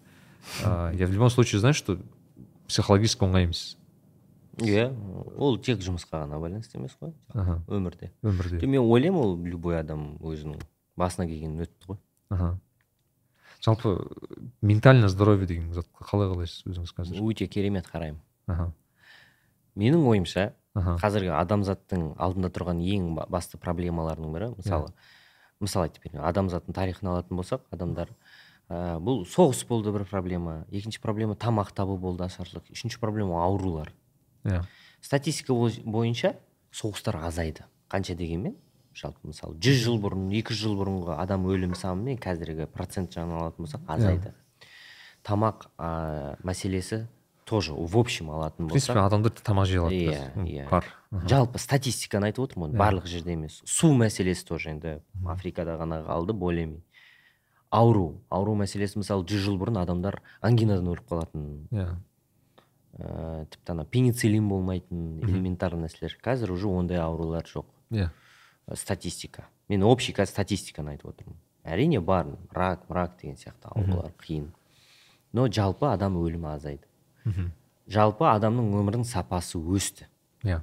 Қанша дегенмен қазір ә, алатын болсақ адамзат тарихындағы ең қауіпсіз заман. Соғыссыз ну более менее соғыс жоқ ең қауіпсіз заман жалпы. Вероятность аз да иә. именно. Енді не қалды? Мынау қалды да. Иә. Енді қазір бірақ дегенмен адамзат тарихында ешқашан ә, суицид ә, статистикасы дәл қазіргідей жоғары болған емес екен. Да? Да. Вау. Жоғары. Суицид көп. Болмаған. Причем андай қызық жері то что типа именно дамыған мемлекеттерде болып жатыр ол еще. Дамыған мемлекеттерде. Неге деген сұрақ қойылады. Иә себебі мына жақ шешілмеген. Мына жақта проблема көп мида. Иә. сен бай болуы мүмкінсің ауқатты болуы мүмкінсің. Ең әлемдегі мықты адам болуы мүмкінсің бірақ іштей сен бақытсыз болсаң болмаса депрессия жаңағы ә, өмірдің келеңсіздіктеріне шыдамайтын болсаң онда өмірдің бақыты жоқ өмірдің дәмі жоқ. Иә. содан көбісі кетіп жатыр ол өте бір ә, қызық сұрақ неліктен деген. Оказывается сыртқы проблемалар болған кезде яғни сыртқы дегеніміз ол жұмыс болсын ақша табу мәселесі болсын ауру болсын ә, соғыс болсын адам наоборот өмір сүргісі келеді. Это называется эффект костылей. Мхм мысалы ә, жүре алмайтын адам мысалы ақсаңдап жүретін адам костыльмен. Басына мынандай пистолет таққашы бүйтіп жүре костыльдерін тастайды да қолын көтереді. Иә иә. Түсінесің ба сол сияқты ғой. Себебі онда қазір пирамида маслоу бойынша ең біріншісі өмір сүру керек та қазір. Тірі қалып қалу керек та мен өз басымнан да ондай өткен шыны керек. Ыыы сәкеден кейін сәке шықты жүз үш шықты барлығы жақсы болды. Ыыы топ бір мынандай момент болып қалды. Топ бестікте мен көп адамға айттым осыны осы жерде енді тоже айтып берейін. Топ бестікте ютубта төрт сериал ыыы менің режиссерлығыммен болған сериалдарда сәкенің екі сериясы там жүз үштің тағы екі сериясы. В общем на тот момент трендтер короче сондай вроде бы все супер. М, астымда жақсы машине қолымда жақсы сағат үстімде жақсы киім бірақ андай бір көшеде келе жатырмын да машинамен. И андай бір тамақта бірдеңе тұрғандай да өксік. И ол өксік кетпейді ол бір күн емес екі күн емес бір апта Иә. емес бір айлық екі айлық емес былай. Да өте қиын ә, мен ол туралы әдейі айтам. Себебі менің әлсіздігімді көрсетпейді мүмкін басқа бір көрерменнің жүрегіне тиетін шығар. Ода да сондай отқан шығар. Иә. Ә, сол кезде мен просто шымбұлаққа барып шымбұл, шымбұл а медеуге барып медеуден анау дамбаға дейін жүріп просто бір жарты сағат жыладым да. Просто мен білмеймін мен келе жатырмын мен жылап жатырмын да.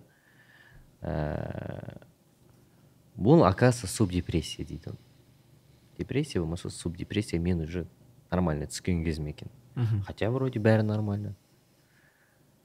Ол неліктен сосын мен начал уже работать над этим понимать что так не пойдет просто мен бір нәрсені түсіндім да менің мысалы болашақта ә, жоспарларым көп. Құдай қаласа біреусі орындалады біреусі орындалмайды. Иә. Бірақ мен бір нәрсені түсіндім. Егер менің дәл жағдай дәл қазіргі мынау миымдағы ситуация Мгм. қазіргідей жалғаса берсе мен тіпті оскар алайын. Мен бақытты болмаймын. Иә. Мен бақытты болмасам не үшін өмір сүремін? Оскардың не қажет болады оскардың Оскар не қажеті бар? Ол не керек ол? Мхм. түсінесің бе? Сол мәселені шешу керек. Бізге ә, жалпы мына ментальный здоровьеға үлкен көңіл бөлу керек. Сөйтіп содан бастап мен жаңа психологияны изучать ете бастадым. Негізі кішкентай кезден жетінші класстан карнегиді оқимын мен сол жағы ұнайды маған. Но вот соңғы кездері осыған ә, көңіл бөле бастадым. Сөйтсе оказывается бұл менің ойбай ау жиырма бес жылдық проблемаларым жиналған екен да миымда бізді қалай воспитывать етеді? Еркектерді қазақ. Е еркексің ғой баласың ғой жылама. Еркек жыламайды. еркек жыламайды анау мынау кішкентай кезде миымызға құйып- тастайды да. Е че ты как баба расстраиваешься дейді болмаса че ты это қатынсың ба деп анау мынау. Ол дұрыс емес мәселе себебі жалпы адами тұрғыдан болсын моральдық тұрғыдан болсын ислам тұрғыдан болсын еркек адам өзінің эмоцияларын он должен признать бізді робот қылып тастаған ғой неге бізде инсульт көп инфаркт көп суицид та көп? Еркектерде ана бір мускулинностьті көрсету керек. Иә иә, шықпайды да іштен ни в какой то м, вроде блин здоровый нормальный мужик түк суицид жасайды. Иә. түк ішіп кетеді. Түк екінші үшінші қатын алып бүйтіп кетеді сөйтіп не быт өмір быт ставка болып кетті оның бәрі мына жақтағы проблемалардан да. Енді барлығы демеймін ну негізінен сондай бар да бізде. Мгм. сондықтан ә, это большая тема. Э, бағанағы не бар ғой қазір мен жақында жақында ғана аудардым детский травма деген сөзді қазақшаға. А, ә, балалық зақым деп аударыпты бір кісі. Балалық зақым. Зақым деп па сондай бір шын айтсам не отражает как будто да полностью несін түсінікті. Бірақ ыыы қазір сол не істеді? Қазір гештальт терапия дейді. В общем басқа дейді анау дейді. В общем детский травмаларды жабамыз дейді. Ііі бірақ былай қарасаң ыыы детский былай травмасы жоқ адам жоқ қой негізі жоқ жоқ бәрінде бар. Это нормально. Нормально. Это нормально? Ол болу керек қой. Детский травма. Детский травманы бала еще құрсақта жатқанда алады жаңағы. Бала шыққан қалай туылғаннан бастап ол де өзінің травмалары ғой. Просто сұрақ неде? Сұрақ оны сен детский травма жасатпауда емес сонымен өмір сүріп үйретуде. Иә. сол бала мысалы қалай ары қарай өмір сүріп кетеді қалай дұрыс түсінеді. Мысалы менің племянницам бар ағамның қызы да. ол алты жыл бойы үйдің кенжесі болды да жақында осы бір жыл бұрын бір тоғыз ай бұрын. Ә, тағы қыз туылды да. И мен анау қызға қараймын да қызға внимание жетіспей жатыр иә. Маған келіп бір құшақтайдан келіп себебі внимание бар кішкентай қызға кетіп қалған да. Это же ее детская травма. Мхм. бұдан енді мысалы соны түсіне білу керек. Біз үлкен адам ретінде соны түсіну керек. Соған значит кішкене внимание көбірек бөле бастау керекпіз иә. Кішкене небе ертең ол миында қандай тұжырым жасайды білмейсің. Мен бұл өмірде ешкімге кстати иә. суицид детский суицид подростковый суицид. Да. Қазақстан төртінші ма нешінші орын алып жатыр екінші орын кажется даже біз Екінші орынға топ- топ беске кіргенбіз точно. Кіреміз. Иә. неден неден анау балалар уже түсінбей жатыр не болып жатқанын. Әке шешесі көңіл бөлмейді. Әке шешесіне айта алмайды мен мектепте осылай болып жатыр анау бүйтті сөйтті деп. Мен бір ә, кім бар еді? Ә, мен бір қызбен жүр қол ұстасып он жастағы бала мысалы. Аха. сол мен қазір тас трубкасын алмай жатыр мен не істеймін деп. Шешесіне әкесіне айта алмайды. Мен қазір тағы оған байланысты бір история айтып беремін. И анау қыздық мен мен мен айттым көңіл бөліңдер дедім ана наоборот. Аха. потому что ертең ол қазір жалғыз қалмасын. Жалғыз болып қалған адам иә. ол әке шешесін признавать етпей қояды. Ол признавать етпей қойса ертең құдай біледі. Ол ертең өседі құдай қаласа он он екі жылда. Бір жігітпен жүреді. Ол жігіт қандай жігіт болады? Не жігіт болады? Ә, есі дұрыс адам ба есі дұрыс емес па? А ол просто вниманиемен алып кетуі мүмкін да. А бірақ ол конченый адам болуы мүмкін да. Иә иә. А ол неден болады? Да потому что вы мне никогда не уделяли внимания деп шығады. И она будет права. Иә теперь подростковый мысалы мысалы менің племяннигім бар дұрыс па ә, комнатаға кірсем көңілсіз сондай бір отыр да. Көңілі жоқ телефонда бүйтіп бүйтіп қараймын көрсетпей жатыр да. Иә. ол андай бүйтіп өскен бала да. Кикбоксқа барады боксқа барады кішкентай болса да мынандай да характер болады ғой кішкентай бала. сосын бүйтіп келдім е не болды саған? десем. А ничего ничего ничего көзі қайтадан былай. Ей я не болды десем аға қойыңызшы бәрі нормально дейді. Сосын рас қайтадан бүйтіп кетіп қалып жатыр ағасымын ғой енді. Қойшы дедім де құшақтадым мектеп қалай анау қалай мынау қалай деп бүйтіп алыстан барды. Тура сол точкасын ұрдым он бес минуттан кейін. Жылады анау бала. Оказывается бір қызбен жүреді екен. Енді кішкентай бала махаббат қой. Ол қызбен ұрысып қалған екен. Соны айта алмайды. Деп қояды ей жыла жаным сол деп құшақтап анау еңіреп сөйтсе оказывается арасында проблема болып жүр екен да бізге ол күлкілі екі бала махаббат. Бірақ ол оның основасы фундамент. Ертең ол мүмкін әйелін сол бала махаббатына негізделіп алады. Иә бар ба? иә. Шешесіне қарап алады жаңағы мектепте болған. первая любовь конечно это же важно. Мынау миың нейрон ең бірінші қалған впечатление қабылдайды ғой дұрыс па? Надо уважать это. Надо признавать это говорит ух ты деп біз ғой бала махаббат и ананы баланы түсіріп тастаймыз да баланы. А, эмоцияларын өмірдегі алып жатқан обесценивать ғой. обесценивать етіп быт ана бала айтқысы да келмейді сосын. Сөйтіп анау бала сосын жаным менің вообще мен анау болып кетті. Мен уже маған доверяет он я чувствую. Уже айта алады сондай нәрселерді ашық ай- айтсын айтсын.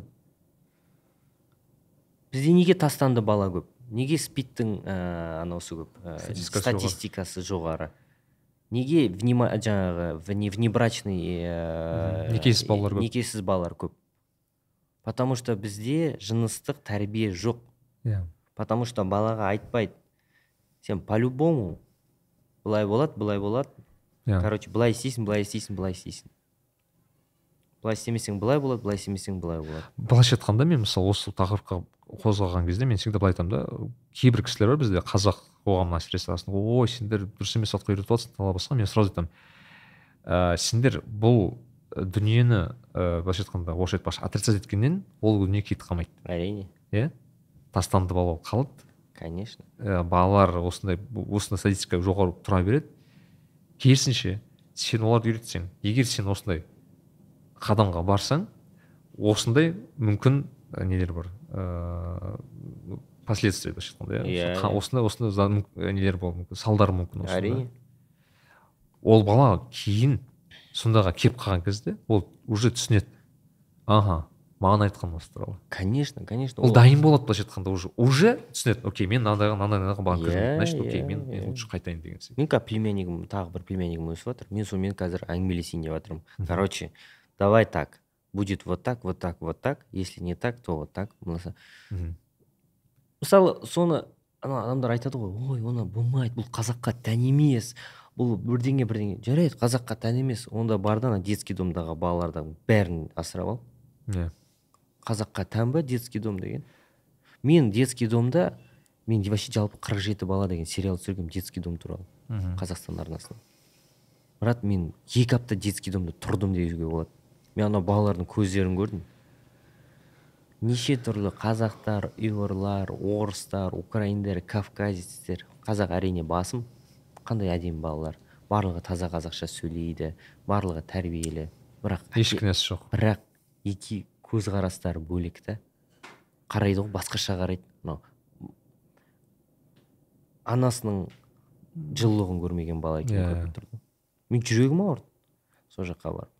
А ол неден болады себебі адамдар білмейді элементарно что если ты не предохраняешься у тебя вот так вот бывает.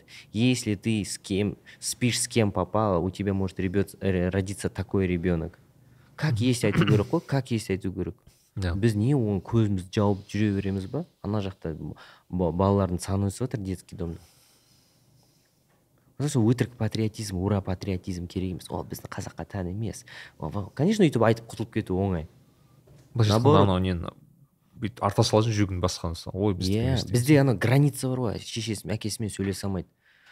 Ол граница бізде жоқ. Мысалы сен бізде жоқ қой ондай балам. Сен өсіп қалдың былай болады деген жоқ қой. Иә.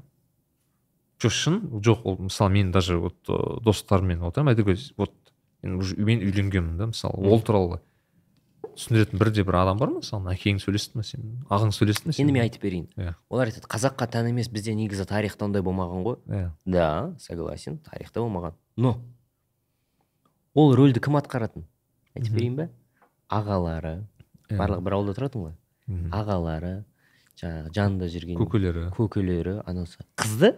Қызды жас қызды. Уже он он екіге келеді ғой. Жанында жүрген әпкелері. Тәтелері құлақтарын бұрайды құлақтарын уже айтып береді міне былай болады вот то есть бізде былайша айтқанда жыныстық тәрбие болды. Иә. Кәдімгідей ол аға іні аға іні арқылы кететін. Иә. А қазір че қазір тік тік обрубили. Қазаққа тән емес. Анау бала білмейді уже он беске он төртке келеді. Че то с ним происходит. Бірақ өзі де білмейді. Маған повезло мысалы менің дядям марқұм маған бәрін айтып берді былай болады былай болады міне былай. Мені сол құтқарып қалған шығар көбірек Мгм. өмірде. Мхм. Түсінесің ба миың миың миды дұрыс ми қашан істейді? Мида білім болғанда істейді да ол. Сол білім керек та иә. Өтірік ана керек емес тақырыптарды мектепте бергенше одан да мен мысалы ойым тоғызыншы класстан бастап хотя бы бір жыл болсын жыныстық қатынас деген секс education дейді ғой қосу керек тәрбиені.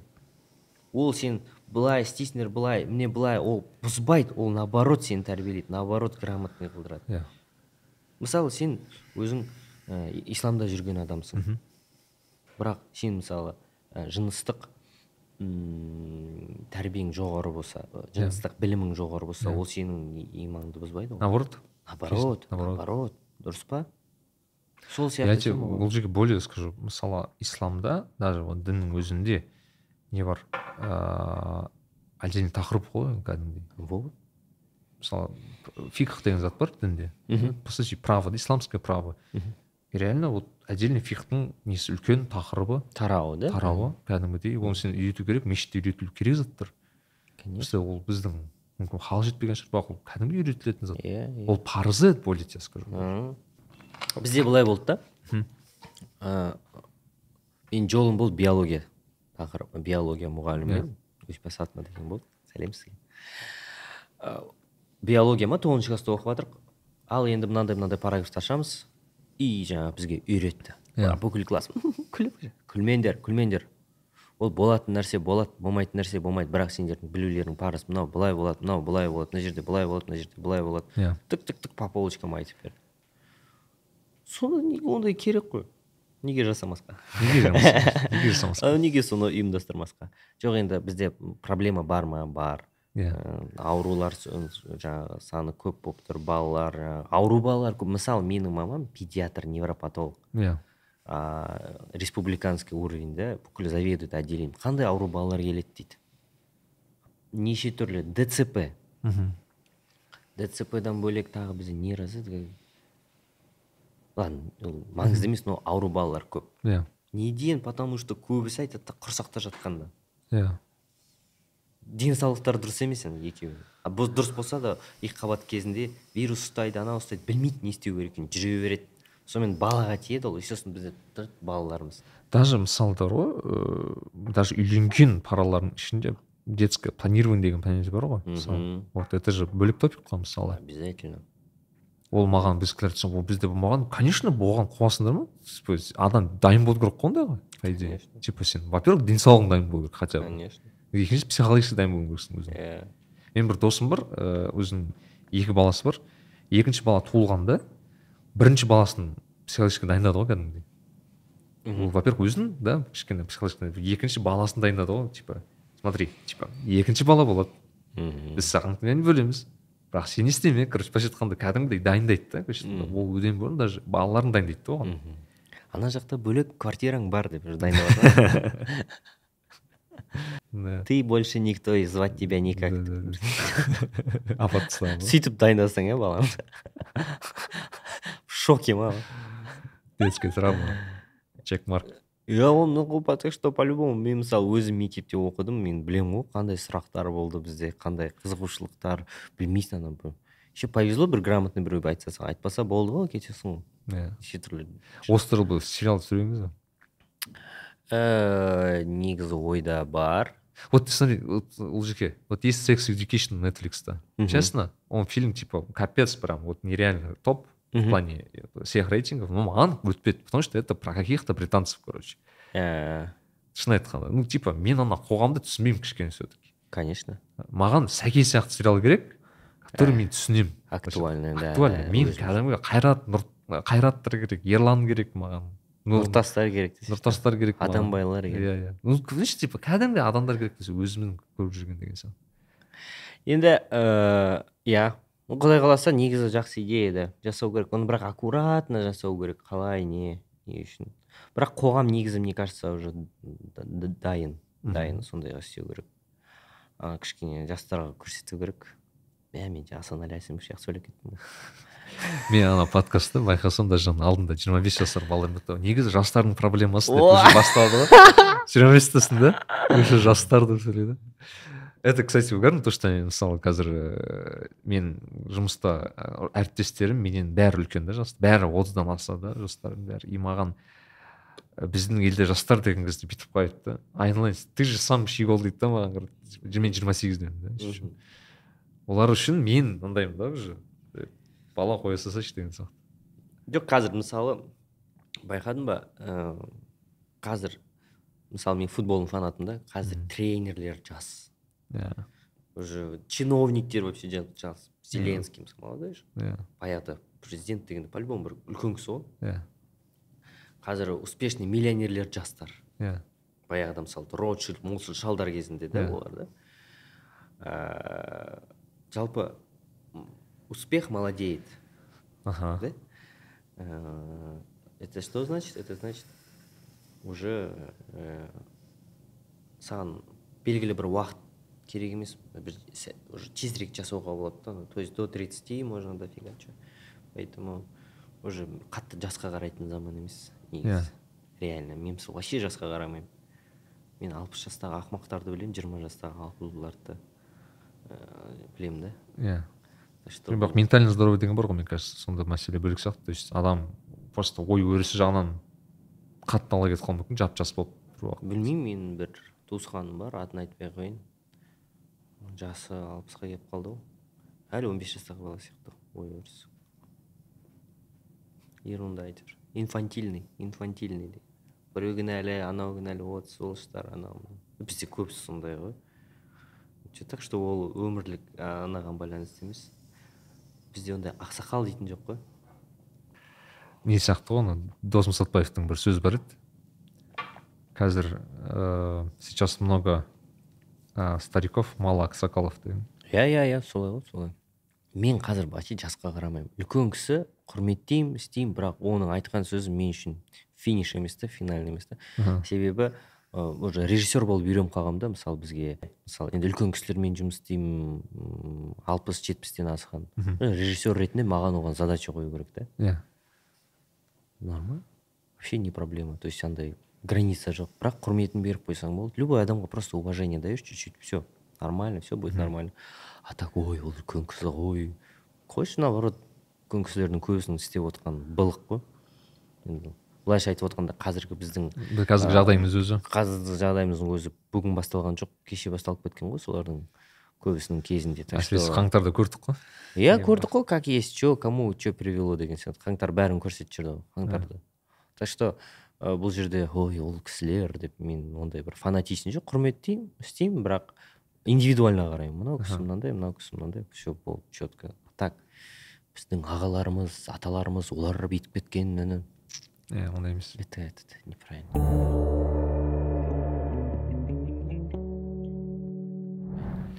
Ол жерге жақында жүз үшті бітірдіңіз. Иә екінші сезон. Иә жүз үш ііі көрермендерге айтып кетейін. Ол жүз үш ол ііі біздің жедел жәрдем. Туралы. Туралы. Ыыы керемет сериал бірінші сезон уже бар. Екінші сезон иншалла қашан шығады? Шамамен. Екінші сезон мне кажется күзге таман шығады күзге таман шығады. Күтеміз.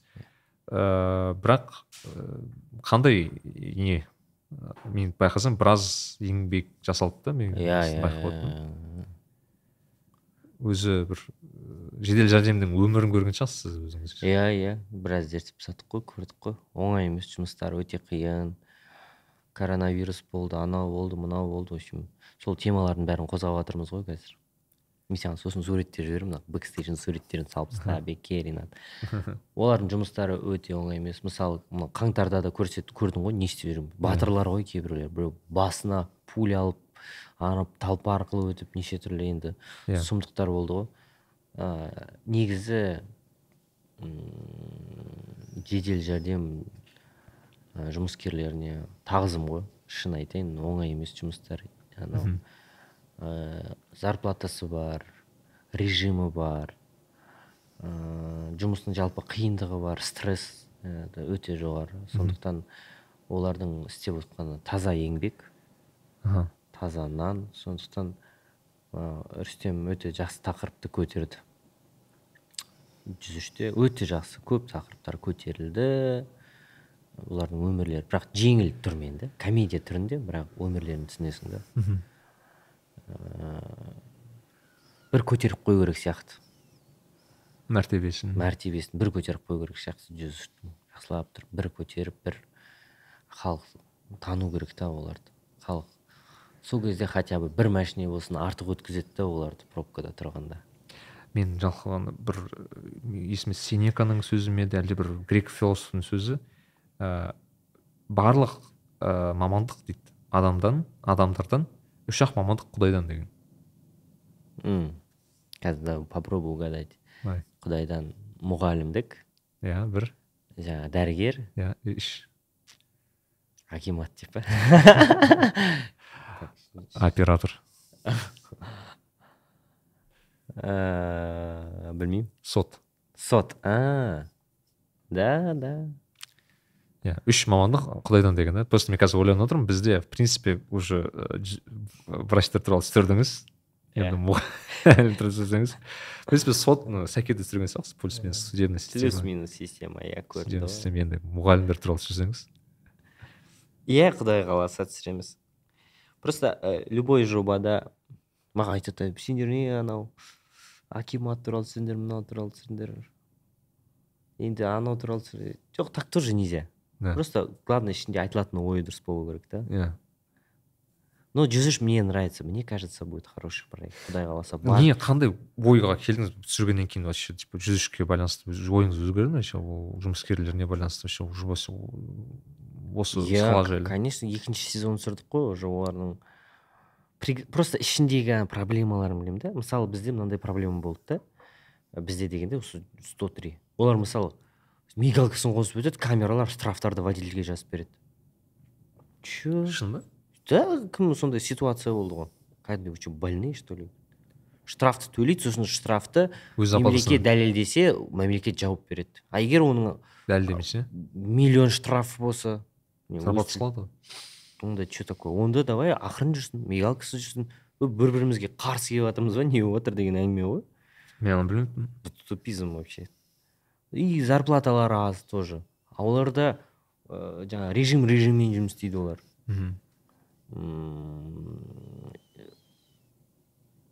Уважение көп емес тоже. Халық сыйламайды. Халық сыйлы енді бірақ мына карантинмен карантин кішкене бір мәртебесін көтеріп жіберді кішкене көтеріп жіберді енді. Мен мысалы өзім алматыда байқаймын олар всегда өткізеді енді қазір. Иә. но дегенмен тағы ол туралы айта беруге медиктарға артық болмайды. Медиктарды мен мамам медик та мен білемін да. Мм. Іштей олардың қандай екенін. Во первых көп оқиды олар. Аха. Во вторых зарплаталары көп емес. Мәртебесі жоғары емес. Қандай адам жұмыс істейді ол жаққа барып? Өзінің жұмысын жақсы көретін адам жұмысты қалады в конце концов. Иә. Сондықтан олар по любому бір бір өмір болсын құтқарып қалады. Қаңтарда қанша адамды құтқарды олар? Машинесіне салып былай былай өздері под обстрел алып. это им надо что ли это им не надо ешкім ештеңе демейтін еді оларға хотя там Әрине. толпа стояла ну по камерам видно они как пробивались қыздар жастар блин у отойдите здесь раненый толпа ана жақта митинг быт шыт болып жатыр ат это же брат героизм ғой герой без плаща дейді. бәрі қашты көбісі қашты иә даже мен шыққан жоқпын потому что мне в первую очередь было страшно за дом за себя Ну, Как былай есть. ойланып қарасаң олардың а прикинь сен оларға да қорқынышты болды ғой конечно қорқынышты ойла болды. бірақ сенің это типа по сути сенің ну долг да былайша айтқанда сенің жұмысың просто сол долг просто долг так что про них надо говорить вот им не жалко красавчик олар Мгм. просто біз енді и комедиялық тұрғыда көрсеттік былай былай там всякий кішкентай да левак мивактарын көрсеттік ну Мгм. это так для реализма Мгм. но біз так айтайын жүз үште андай жоқ типа врачтардың бәрі жақсы бәрі жоқ. Арасында да олардың ә, не бар деген сияқты тема Ә, не ә, әбеке күшті сомдаған иә? әбеке ол мастер ғой. Иә. Мастер ғой. Әбеке ол просто айтатын сөз жоқ. Просто мастер профессионал. И ә, өмір көрген кісі. Опыт. Опыт бар ол мен кісімен құр бүйтіп отырып сөйлесудің өзі. Әбеке білесің ба бүкіл өзінің подписчиктеріне ә, жауап береді ғой дайрект бәріне. Жауап береді. Бәріне лайк қойып шығады комментарий жазады. Кейде әбеке жаным ғой постоянно бір паузада біреумен видеосвязьбен сөйлесіп отырады. Мен ойлайтынмын бір туысқандарымен сөйлесетін шығар деп. Сөйтсе подписчиктарына видеозвонокпен звондайды екен ғой. Қалайсыздар? Өзінің- жаңа өзде жаңа өзенде біреу ауылда мысалы отырады ол әбеке звондайды да саған. Қалайсыздар бәрі жақсы ма сіздерде? И он это все делает искренне. Понимаешь? Это просто уникум. Сіз деп сөйлейді ғой маған. Шеф дейді ғой. Братан дейді. Әбеке қойыңызшы деймін ғой. Шеф шеф болды. Это человек маған мен үшін ол үлкен бір пример да. Сен махаббатпен өзіңе деген махаббатты қалай тудыруға болады? Сондай да. Ұлық болсаң күшік бол. Иә бір рет түнде түсіріп жатырмыз да. Шаршап кеттік та уже. Әбеке бүйтіп маған қарап отыр да. Әй ептематтар все тұрамыз давай бәріміз билейміз. Өзіміздің көңілімізді өзіміз көтермегенде кім көтереді деп қойып в общем сондай да позитивті ол кісі Мм. бірақ өмірде талай нәрсе көрген талай қиыншылықтар көрген. Соның өзінде ол кісі позитив болып қалып отыр да. Әбекенің қазіргі әбеке болған это не случайность брат. Мгм. это не просто жақсы ойнағанның арқасында емес жоқ ол он профессионально относится к делу. Мгм. понимаешь? Біз ойымыз бар енді. Өзім айттым әбеке блин сізге бір драматический роль. Вот вот деп айтты да ол. Тура осы керек деп па? Иә соны мен ойланып жүрмін қазір. Потому что ол ойнай алады драматический роль сто процентов. Иә. Что ондай кісілермен жұмыс істеу мен үшін мәртебе Иә. кайф. Мен мақтанамын. Әбекемен істегеніме ыыы вообще актерский состав мықты бізде. Әбеке рүстемнің өзі. Иә. рүстем мысалы айтады мен актер емеспін дейді.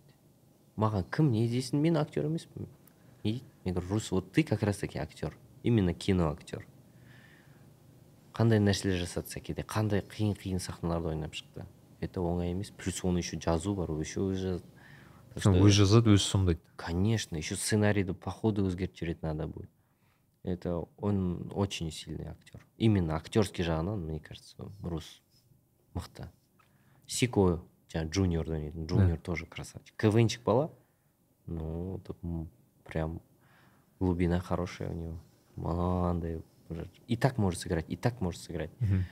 Кайф. сөзі жоқ сахналар көп та өліп отырамын мен күліп потому что как он отыгрывает. Мгм. вообще мощь. Сосын ринат мұханбаевты шақырдық. Камызяктан камызяктағы ыыы, өз белгілі бір жігіт иә? Чемпион высшей лиги чемпион да, высшей лиги иә. тнт-да істейді. Да. өзіміздің қазақ жігіт айтпақшы. Иә өзіміздің қазақ жігіт астраханьның қазағы. Иә. мынандай жігіт. Вообще проф проф. И адамгершілігі де и былай да. Бізде бізбен 12 күн болды ма 13 күн болды. Блин от и до кайф қой. Просто біз мындай туысқан сияқты болып кеттік. Ешқашан басқа шықпайды ешқашан бірдеңені артық көрмейді. Жаңағы мен ә, россиядан тнт-дан деген жоқ. Конкретно келді тік тік тік тік здесь нормально здесь нормально давай давай да андай да. Бүкіл группа қатты жақсы көріп кетті оны.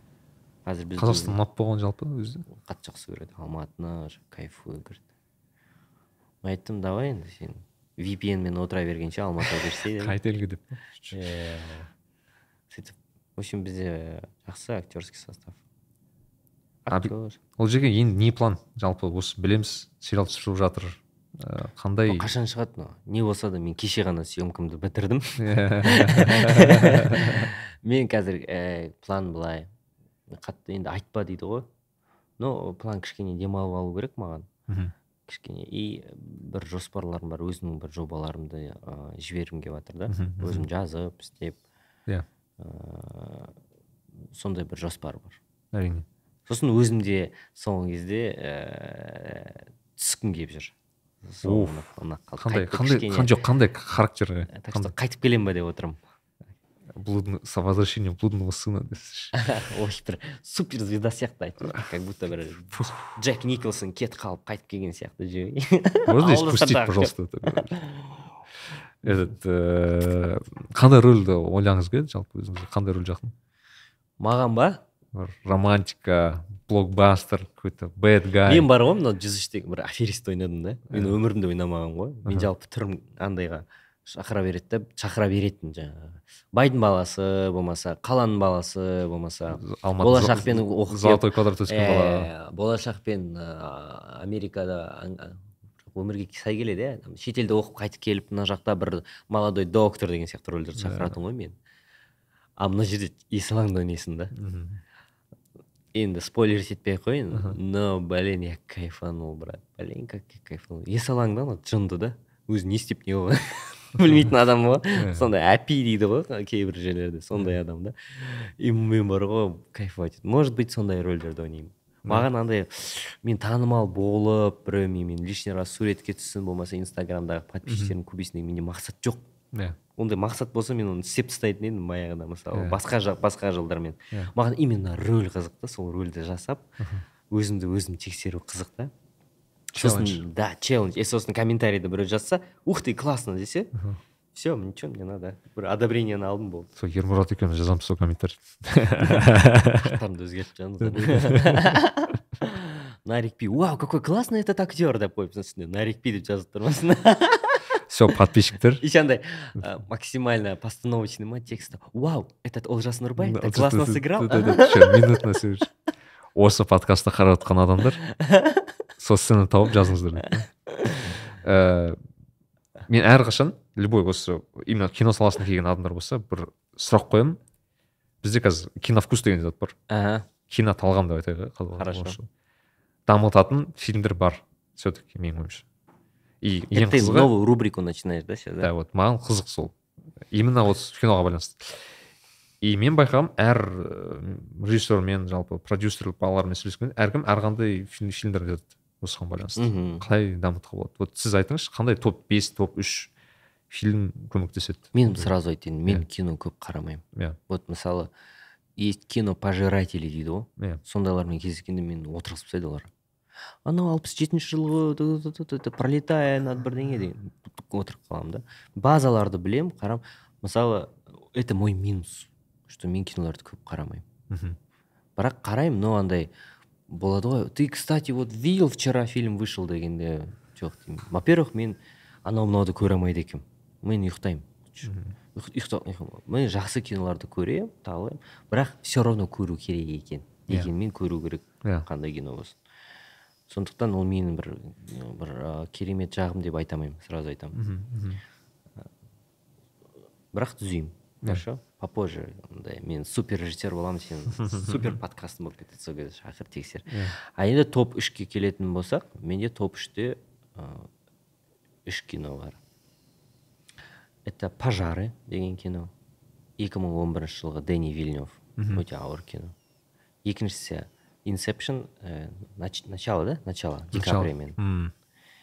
и любовь и голуби любовь и голуби любовь и голуби советский кино. Советский кино иә это вот үш кино которые я неге ол неге осы үшеу жоқ енді тағы қоссам болады бірақ Давайте. миға не келеді сол дұрыс дейді ғой бірінші. Иә. осы үшеу давайте бір бірінші қазақстанский бір қояйық казахстанский? Иә күшті ма? Именно осы е, тәуелсіздіктен кейін ба?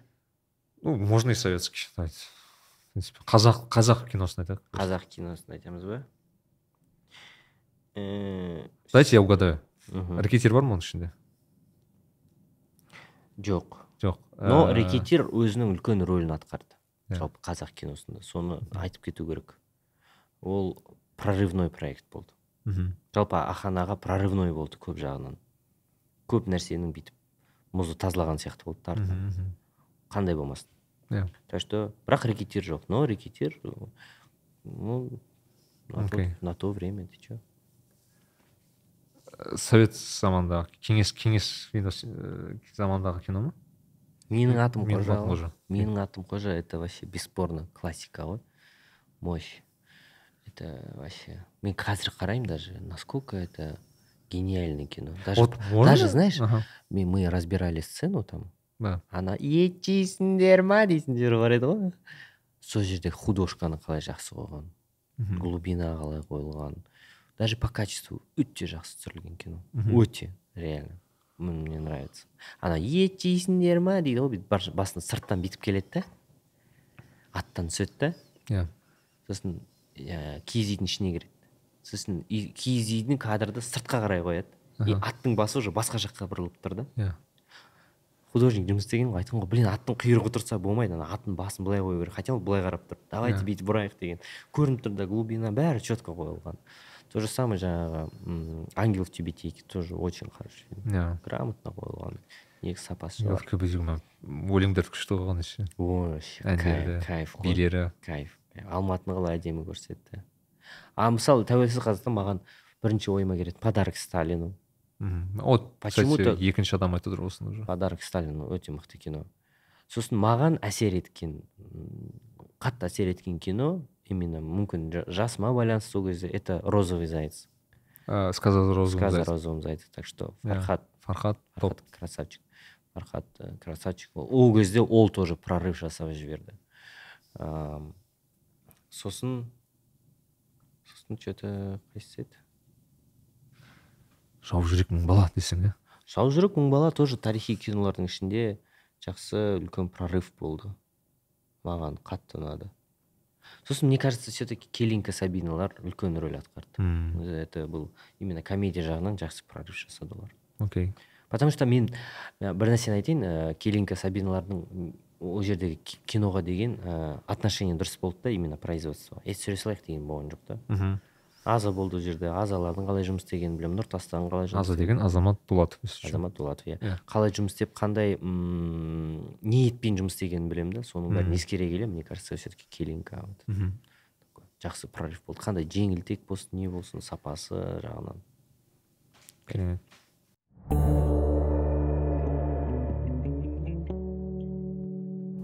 Бұл жерге бізде ә, блиц опрос бар. Соңғы осы біздің әрқайсысының соңында. Үш сұрақ қоямыз. Мхм. Үш сұрақты өзіңіз қалай жауап бересіз? Өзіңіз білесіз енді ұзақ қысқа. Ә, бірінші сұрақ ә, өзіңіз бір досыңызға ә, бір ұсынар айтайық бір бір подарок бергіңіз келеді сыйлық. Кітап үш кітап қандай қандай үш кітапты сыйлар едіңіз өзіңіз? А өзім досыма ма? Иә бір қонақ қонаққа барасыз мысалы сіз. Карнеги. Иә естіше маған ол жеке осы кітапты берген қазақшасын. Қазақшасын мен әдейі мазмұндама баспасы арқылы. Сейчас по это поподробнее будет. Окей. А да? Да. где то мен здесь мазмұндама дегенді көрдім қазір ол туралы бөлек айтамыз. Аха. Көз алдымда бірдеңе бол вот да. Иә. Мен карнегиді жақсы көремін. Себебі мен былай айтайын. Мен ә, алтыншы класста бүкіл класс а, менімен сөйлеспей қойған кез болды. Мен мысалы Иә. мектеп классқа кіремін бүкіл ешкім амандаспайды менімен. Иә иә, ойлашы? иә. Жаусың ғой ана жерде короче. Просто вот тупую. Ассалаумағалейкум десең қыздар вообще қарамайды ұлдар. И сен жиырма бес адам сені жек көреді ойлашы сен алтыншы класста оқисың. Қандай травма анау. Иә. Мен реально айтайын мен бүйтіп в шоке болатын соны өзім ғой жеткізген енді соған понятное дело. Ә, біреумен ұрысасың біреумен қырылысасың да біреу жамандағансың сөйтіп бір бірінен Иә. анау болып кеткен ғой. Ә, заговор. Сол кезде мен не істедім? Мен мектептен мектепте оқып жүріп иә сол кезде үйден үйден ә, как найти друзей и деген Да, да, да, карнегидің. Екі кітабы болды. Иә. Именно соған байланысты. Алтыншы класста мен соны бірінші оқып шықтым. Вплоть до того что улыбайтесь улыбка всегда Называ- называйте имена людей деп этот правилар болатын өзі типа адамның атын Иә, айт, иә. сол адам атын мен сол кітапты істеп істеп істеп кстати маған ровно екі аптадан кейін нормально бәрімен күшті отношение сол үшін мен карнегиға маған менің өзім жеке ііі көзқарасым бөлек та сол карнеги обязательно деп ойлаймын. Сосын ыыы маған Е- есенберлиннің Көшпенділер? есенберлин көшпенділер. Это мен былай айтайын мен кітапты көп оқитын адам емеспін. Мысалы көп оқитын адамдар бар. Марғұлан сейсебай айтып жатады мен там жүз елу кітап оқимын екі минутта дейді ғой. Таңқаламын қалай так? Мен оқи алмаймын олай. Но мен точечно оқимын тоже опять. Өзіме не ұнайды. Маған мен есенберлинді сегізінші класста тоқтамай оқып шықтым. Мхм. не знаю прям прям очень нравилось. Аха. ну и наверное я бы подарил абай жолы Абай жолы? подарил бы абай жолы оқыдыңыз өзіңіз оқыдым әрине оқыдым айтайын. ерте беріп қойған сияқты мен мектепте мен оқымағанмын если жиырма сегізге келдім да ашық тұр оқу керек бірақ. Оқу керек бірақ блин қиын тілі сразу айтайын мен мүм- мүмкін мен оқымадым деуге де болады себебі мүмкін мен оның жартысын да түсінбеген шығармын. Иә. То есть ты понимаешь да, қайтадан оқу керек мүмкін мүмкін қайтадан потому что мен мектепте оқығанда ана бірінші жиырма бетінде не оқып жатқан вроде қазақ тілінде жазылған дым түсінбейтінмін. Да ол сол мен мен жиырма жасымда бір рет оқып көрдім. Тура сондай енді ойла қазақ тіліміз ә, нашар екен дедім сол кезде өзім Э, сосын маған джек браун ұнайды браун. Ыыы не. Иә қайсы ана кітабын аты қазір айтамын ыыы туф алла. э, тілім ұшында тұр еді сейчас скажу. Стоп. Стоп не еді аты бір фильм түскен еще соған байланысты код да винчи. Все код да Винчи. Дұрыс кайф кітап но негізі енді маған ол жағынан даму керек кітап жағынан даму керек себебі ол маңызды кітапты көп оқыңыздар әрине бірақ мне кажется все таки қазір адамдар көбірек оқып жатқан сияқты кітап. Меломанға кіремін кофейняларда бәрі кітап оқиды. Кайф. Мода. Қазір мен тоже психологический бір психологиялық бір екі кітап оқып жатырмын. Шәкен Иә. айманов туралы кино ә, кітабым тұр соны бір оқу керек еді. Иә. А кстати мынандай кітап ұсынайыншы мен. Иә. джедайские техники деген. Джедайские именно, тех- именно психология плюс жұмысқа байланысты. Бүйтті ғой оқыдың ба? Жақсы кітап па? Естідің ба? келсейші микрофонға джедайские техники. Кайф кітап да. Кайф. Вообще миыңды қалай істейсің прокрастинация ғой ертең жасаймын ертең жасаймын ә қазір қазір дейтін бар ғой соның бәрін жоқ қылады жақсы любой нәрсеңді қалай жазу керек не істеу керек көп нәрсенің мысалы анау бізде бар ғой тайм менеджмент дейді ғой иә тайм менеджмент бытшын шығарып тастады ғой джедайские техники представляешь. это все ерунда это работает вот так и действительно Да. мысалы вставать утром андай не дейді бір кітаптар бар ғой ә, прекрасное утро дей ма бірдеңе кітаптар бар ғой. магия утра магия утра магия утра магия утраны бытшын шығарады короче Мгм. почему это не работает в Мгм. долгосрочной перспективе почему адамдар екі апта действительно таңертең тұрады да соны екі аптадан кейін қояды Вообще- сен оқыдың ба оқыған жоқсың біледі бірақ аттарын біледі екен иә Кітаптары көп па үйінде бір тек қана сыртқы Сыртын- іші жоқ. иә осы кітаптарды ұсынасыз? Иә иә иә. Иншалла осы кітаптарды алыңыз. Екінші сұрақ. Ыыы осы соңғы жылда бір жылдың ішінде бір өзіңізге жасаған кішігірім инвестиция сізге ең пайдасы тиген инвестиция деген кезде мысалы кез келген кітап очки знаю гүл поездка келген зат который бір бір бір сізге өте бір позитивті бір өзгертуге алып келді телефон. Телефон? Иә еще ол жекеде какой то необычный телефон мынау менде фолд осы реклама емес бірақ қызық Иә. телефон екен бұл енді арзан емес бірақ бұл именно менің жұмысыма.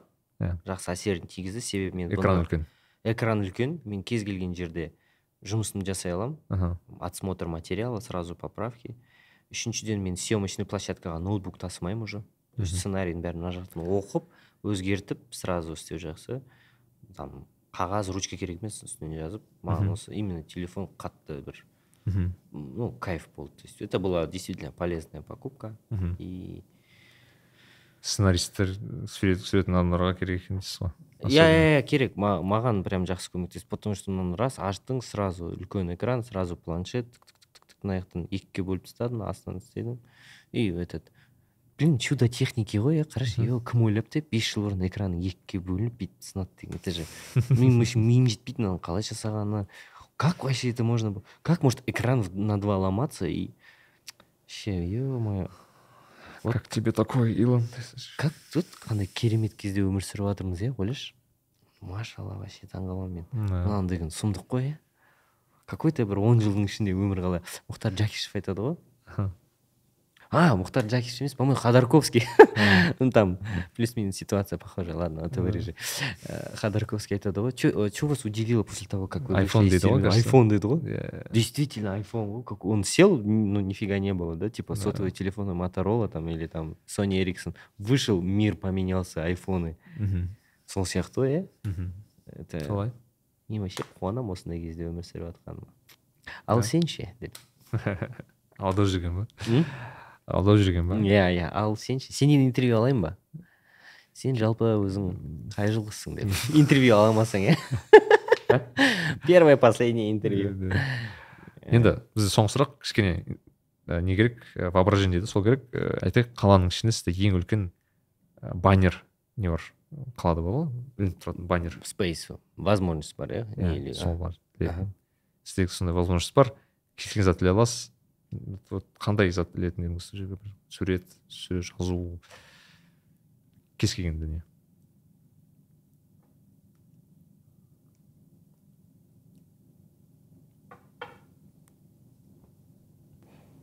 давайте ценить друг друга. Наверное вот так написал. Бір бірімізді бағалайық деп бір бірімізді бағалайық болды басқа ештеңе керек емес вот. Өте қысқа да сурет керек емес Нормально. минимализм спокойно қарайық теперь насчет мазмұндама давай. Мына жақта бізде мазмұндама деген керемет. Сіз жақсы көретін. Қазақ тілді мазмұн мазмұнды айтайын дедің осындай бір керемет кітап. Сізге бір кітап ыыы ыыы, сыйға тартамыз. Ура! Мен өзім ұзақ тыңдадым.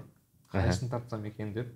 Бірақ сонымен сіздің өзіңіздің подарить еткен кітабыңызды қайтарып жатырмын мен мынаны бергім келді о бақыт гормондары. Гормоны счастья деген орысша білетін бірақ бақыт гормондар қазақша аударылған керемет э, сапада.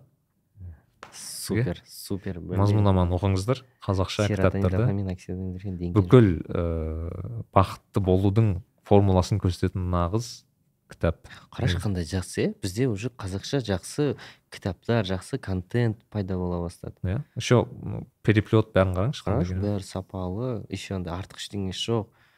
Вот. Құдай қаласа өйстіп алға жылжи берейік қазақ тіліміз. Иә. Бәріміз ақырын дами берсе мен прям қуанатын едім. Так осындай позитивті нотамен. Рахмет көп бро. Мен кішігірім не айтқым келіп отыр. Кітап. Еще мына жерлер туралы. Біз керемет отқан стол локацияның бәрі грин өмір деген керемет ә, жиһаз жасайтын ш- осы магазин енді былайша айтқанда олар цех цех да. авторлық ә, Дизайнерский. дизайн барлығы осы мынау не болсын барлығы ә, өз біздің қазақстандық қолдан жасай қолдан жасалған иә. дүниелер сондықтан алыңыздар грин өмірге жазылыңыздар ал ұлжеке көп рахмет. Сіздерге рахмет. Сізге Бро. ұнады ма бүгін? Кайф. Кайф? Все. Көрерменге ұнаса кайф. иә ана подкасттарды көріп ұйықтайтыным бар. Иә. Мынау сондай подкаст болмасын. Иә ұйықтамаңыздар. Так лайк басамыз коммент қалдырамыз бөлісеміз. Ұлжекеге инстаграмға жазыламыз иә. Все жарайды. Рахмет. Рахмет бро.